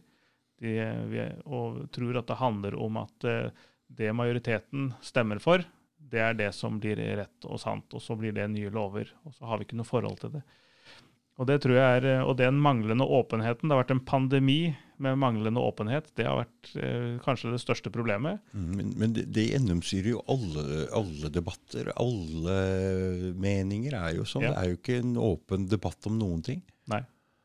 Du veit jo sjøl også med Du har vært i en del sånne konflikter. Det mangler jo i alt, og nå har det vært veldig Ja. så Og, og hvor, hvor, det, hvor det ender, det er jo ikke godt å si nå, men, eh, men eh, det kan, som jeg sier, det kan, vi kan ikke ha flere nedstenginger. Det, det, det går ikke. Og vi må kreve ansvarlighet av FHI og regjeringa som åpner for, eh, for vaksinering av barn etter fem år, uten at det er, gir, gir positiv helsegevinst mm. på individnivå, og uten at FHI anbefaler det. Det, er så- det, er, det skal ikke gå an. Nei. Så dette her, vi kan ikke gi oss her nå. Vi kan ikke la Nei. dette få gå, øh, bare få glemmes og smøres over. Dette her må øh, tas opp nå. Nå må vi gå gjennom det her, altså, hva som har skjedd. For Ja. det her har vært uh, Det, det er, man kan ikke Jeg hvile nå. sier verdt, Ja. men jeg er ikke sikker at det er Nei. verdt engang. Det kan være at de drar dette enda lenger, så vi får se hva det er. Så er det, jo verdt, det er jo verdt å nevne da at uh, antall høringssvar var jo 10 000 negative høringssvar på koronapasset. Og det er vel den, det lovforslaget uh, som har fått flest negative høringssvar noensinne. Men hører de på oss? Hva er et høringssvar? Er Nei, de, ikke sant? hører de på Nettopp. disse svarene? Nettopp. Det gjør de jo ikke. Ja, men hva er det vitsen? Det heter jo høringssvar. Ja. Det må de høre, da. Mm, må jo det. Og det er derfor jeg sier rettsstatsprinsippene. Vi er nødt til å så løs, La oss si OK, hva er løsningen da, kan man spørre. Jo, eh, nå er det 20 år siden vi hadde forrige makt- og demokratiutredning. Og for to år siden så, så jeg at eh, en advokatforening foreslo at det er på tide å ta Eller i 2019 sa de det er på tide å ta en ny, advokat, eh, eh, en ny makt- og demokratiutredning. Fordi at det er, så, det er dukket opp så mange barnevernssaker som, eh, som vi taper i altså, I EMK. Ja, EMK. Og det er eh, eh, maktspill i sosiale medier, påvirkning av sosiale medier og valg. For, for sosiale medier fantes jo ikke for 20 år siden. Sant? Mhm. Så, så det, er, det, det er mange store endringer som vi ikke har gjort en makt- og demokratiutredning på. Så jeg tror at løsninga nå er å kreve en ny NOU, en ny makt- og demokratiutredning, som skal gå igjennom eh, altså med, altså hvordan media har, eh, har vært under pandemien, hvordan eh, manglende åpenhet om helhetsvurderinger har vært under pandemien, gå gjennom barnevernssakene, gå, igjen, gå gjennom hvordan eh, sosiale medier og sensur, hvordan cancel culture, hvordan dette her funker, det kulturelle Hva kalte du det der som skulle gå gjennom det, sa du? En Denne rapporten, Ja, ja hvem var det som skulle gå gjennom? Hva var det? det er, det er, det er regjer, altså Stortinget mm. skal bestille det. Ja. En makt- og demokratiutredning mm. til regjeringa. Mm. Og, og den, Aldri hørt om det. Makt- og demokratiutredning. Ja, Mhm. det er, og, og, det er jo også det er derfor jeg sier de fleste vet jo ikke hvordan det, altså demokratiet og rettsstaten fungerer. Mhm. Og en makt- og demokrati... Rett og slett en gjennomgående eh, Gjennomgang, gjennomgang. ja. For det samfunnet skal forandres nå. Nettopp. Og resultatet av en makt- og demokratiutredning forrige gang ble til 50 bøker.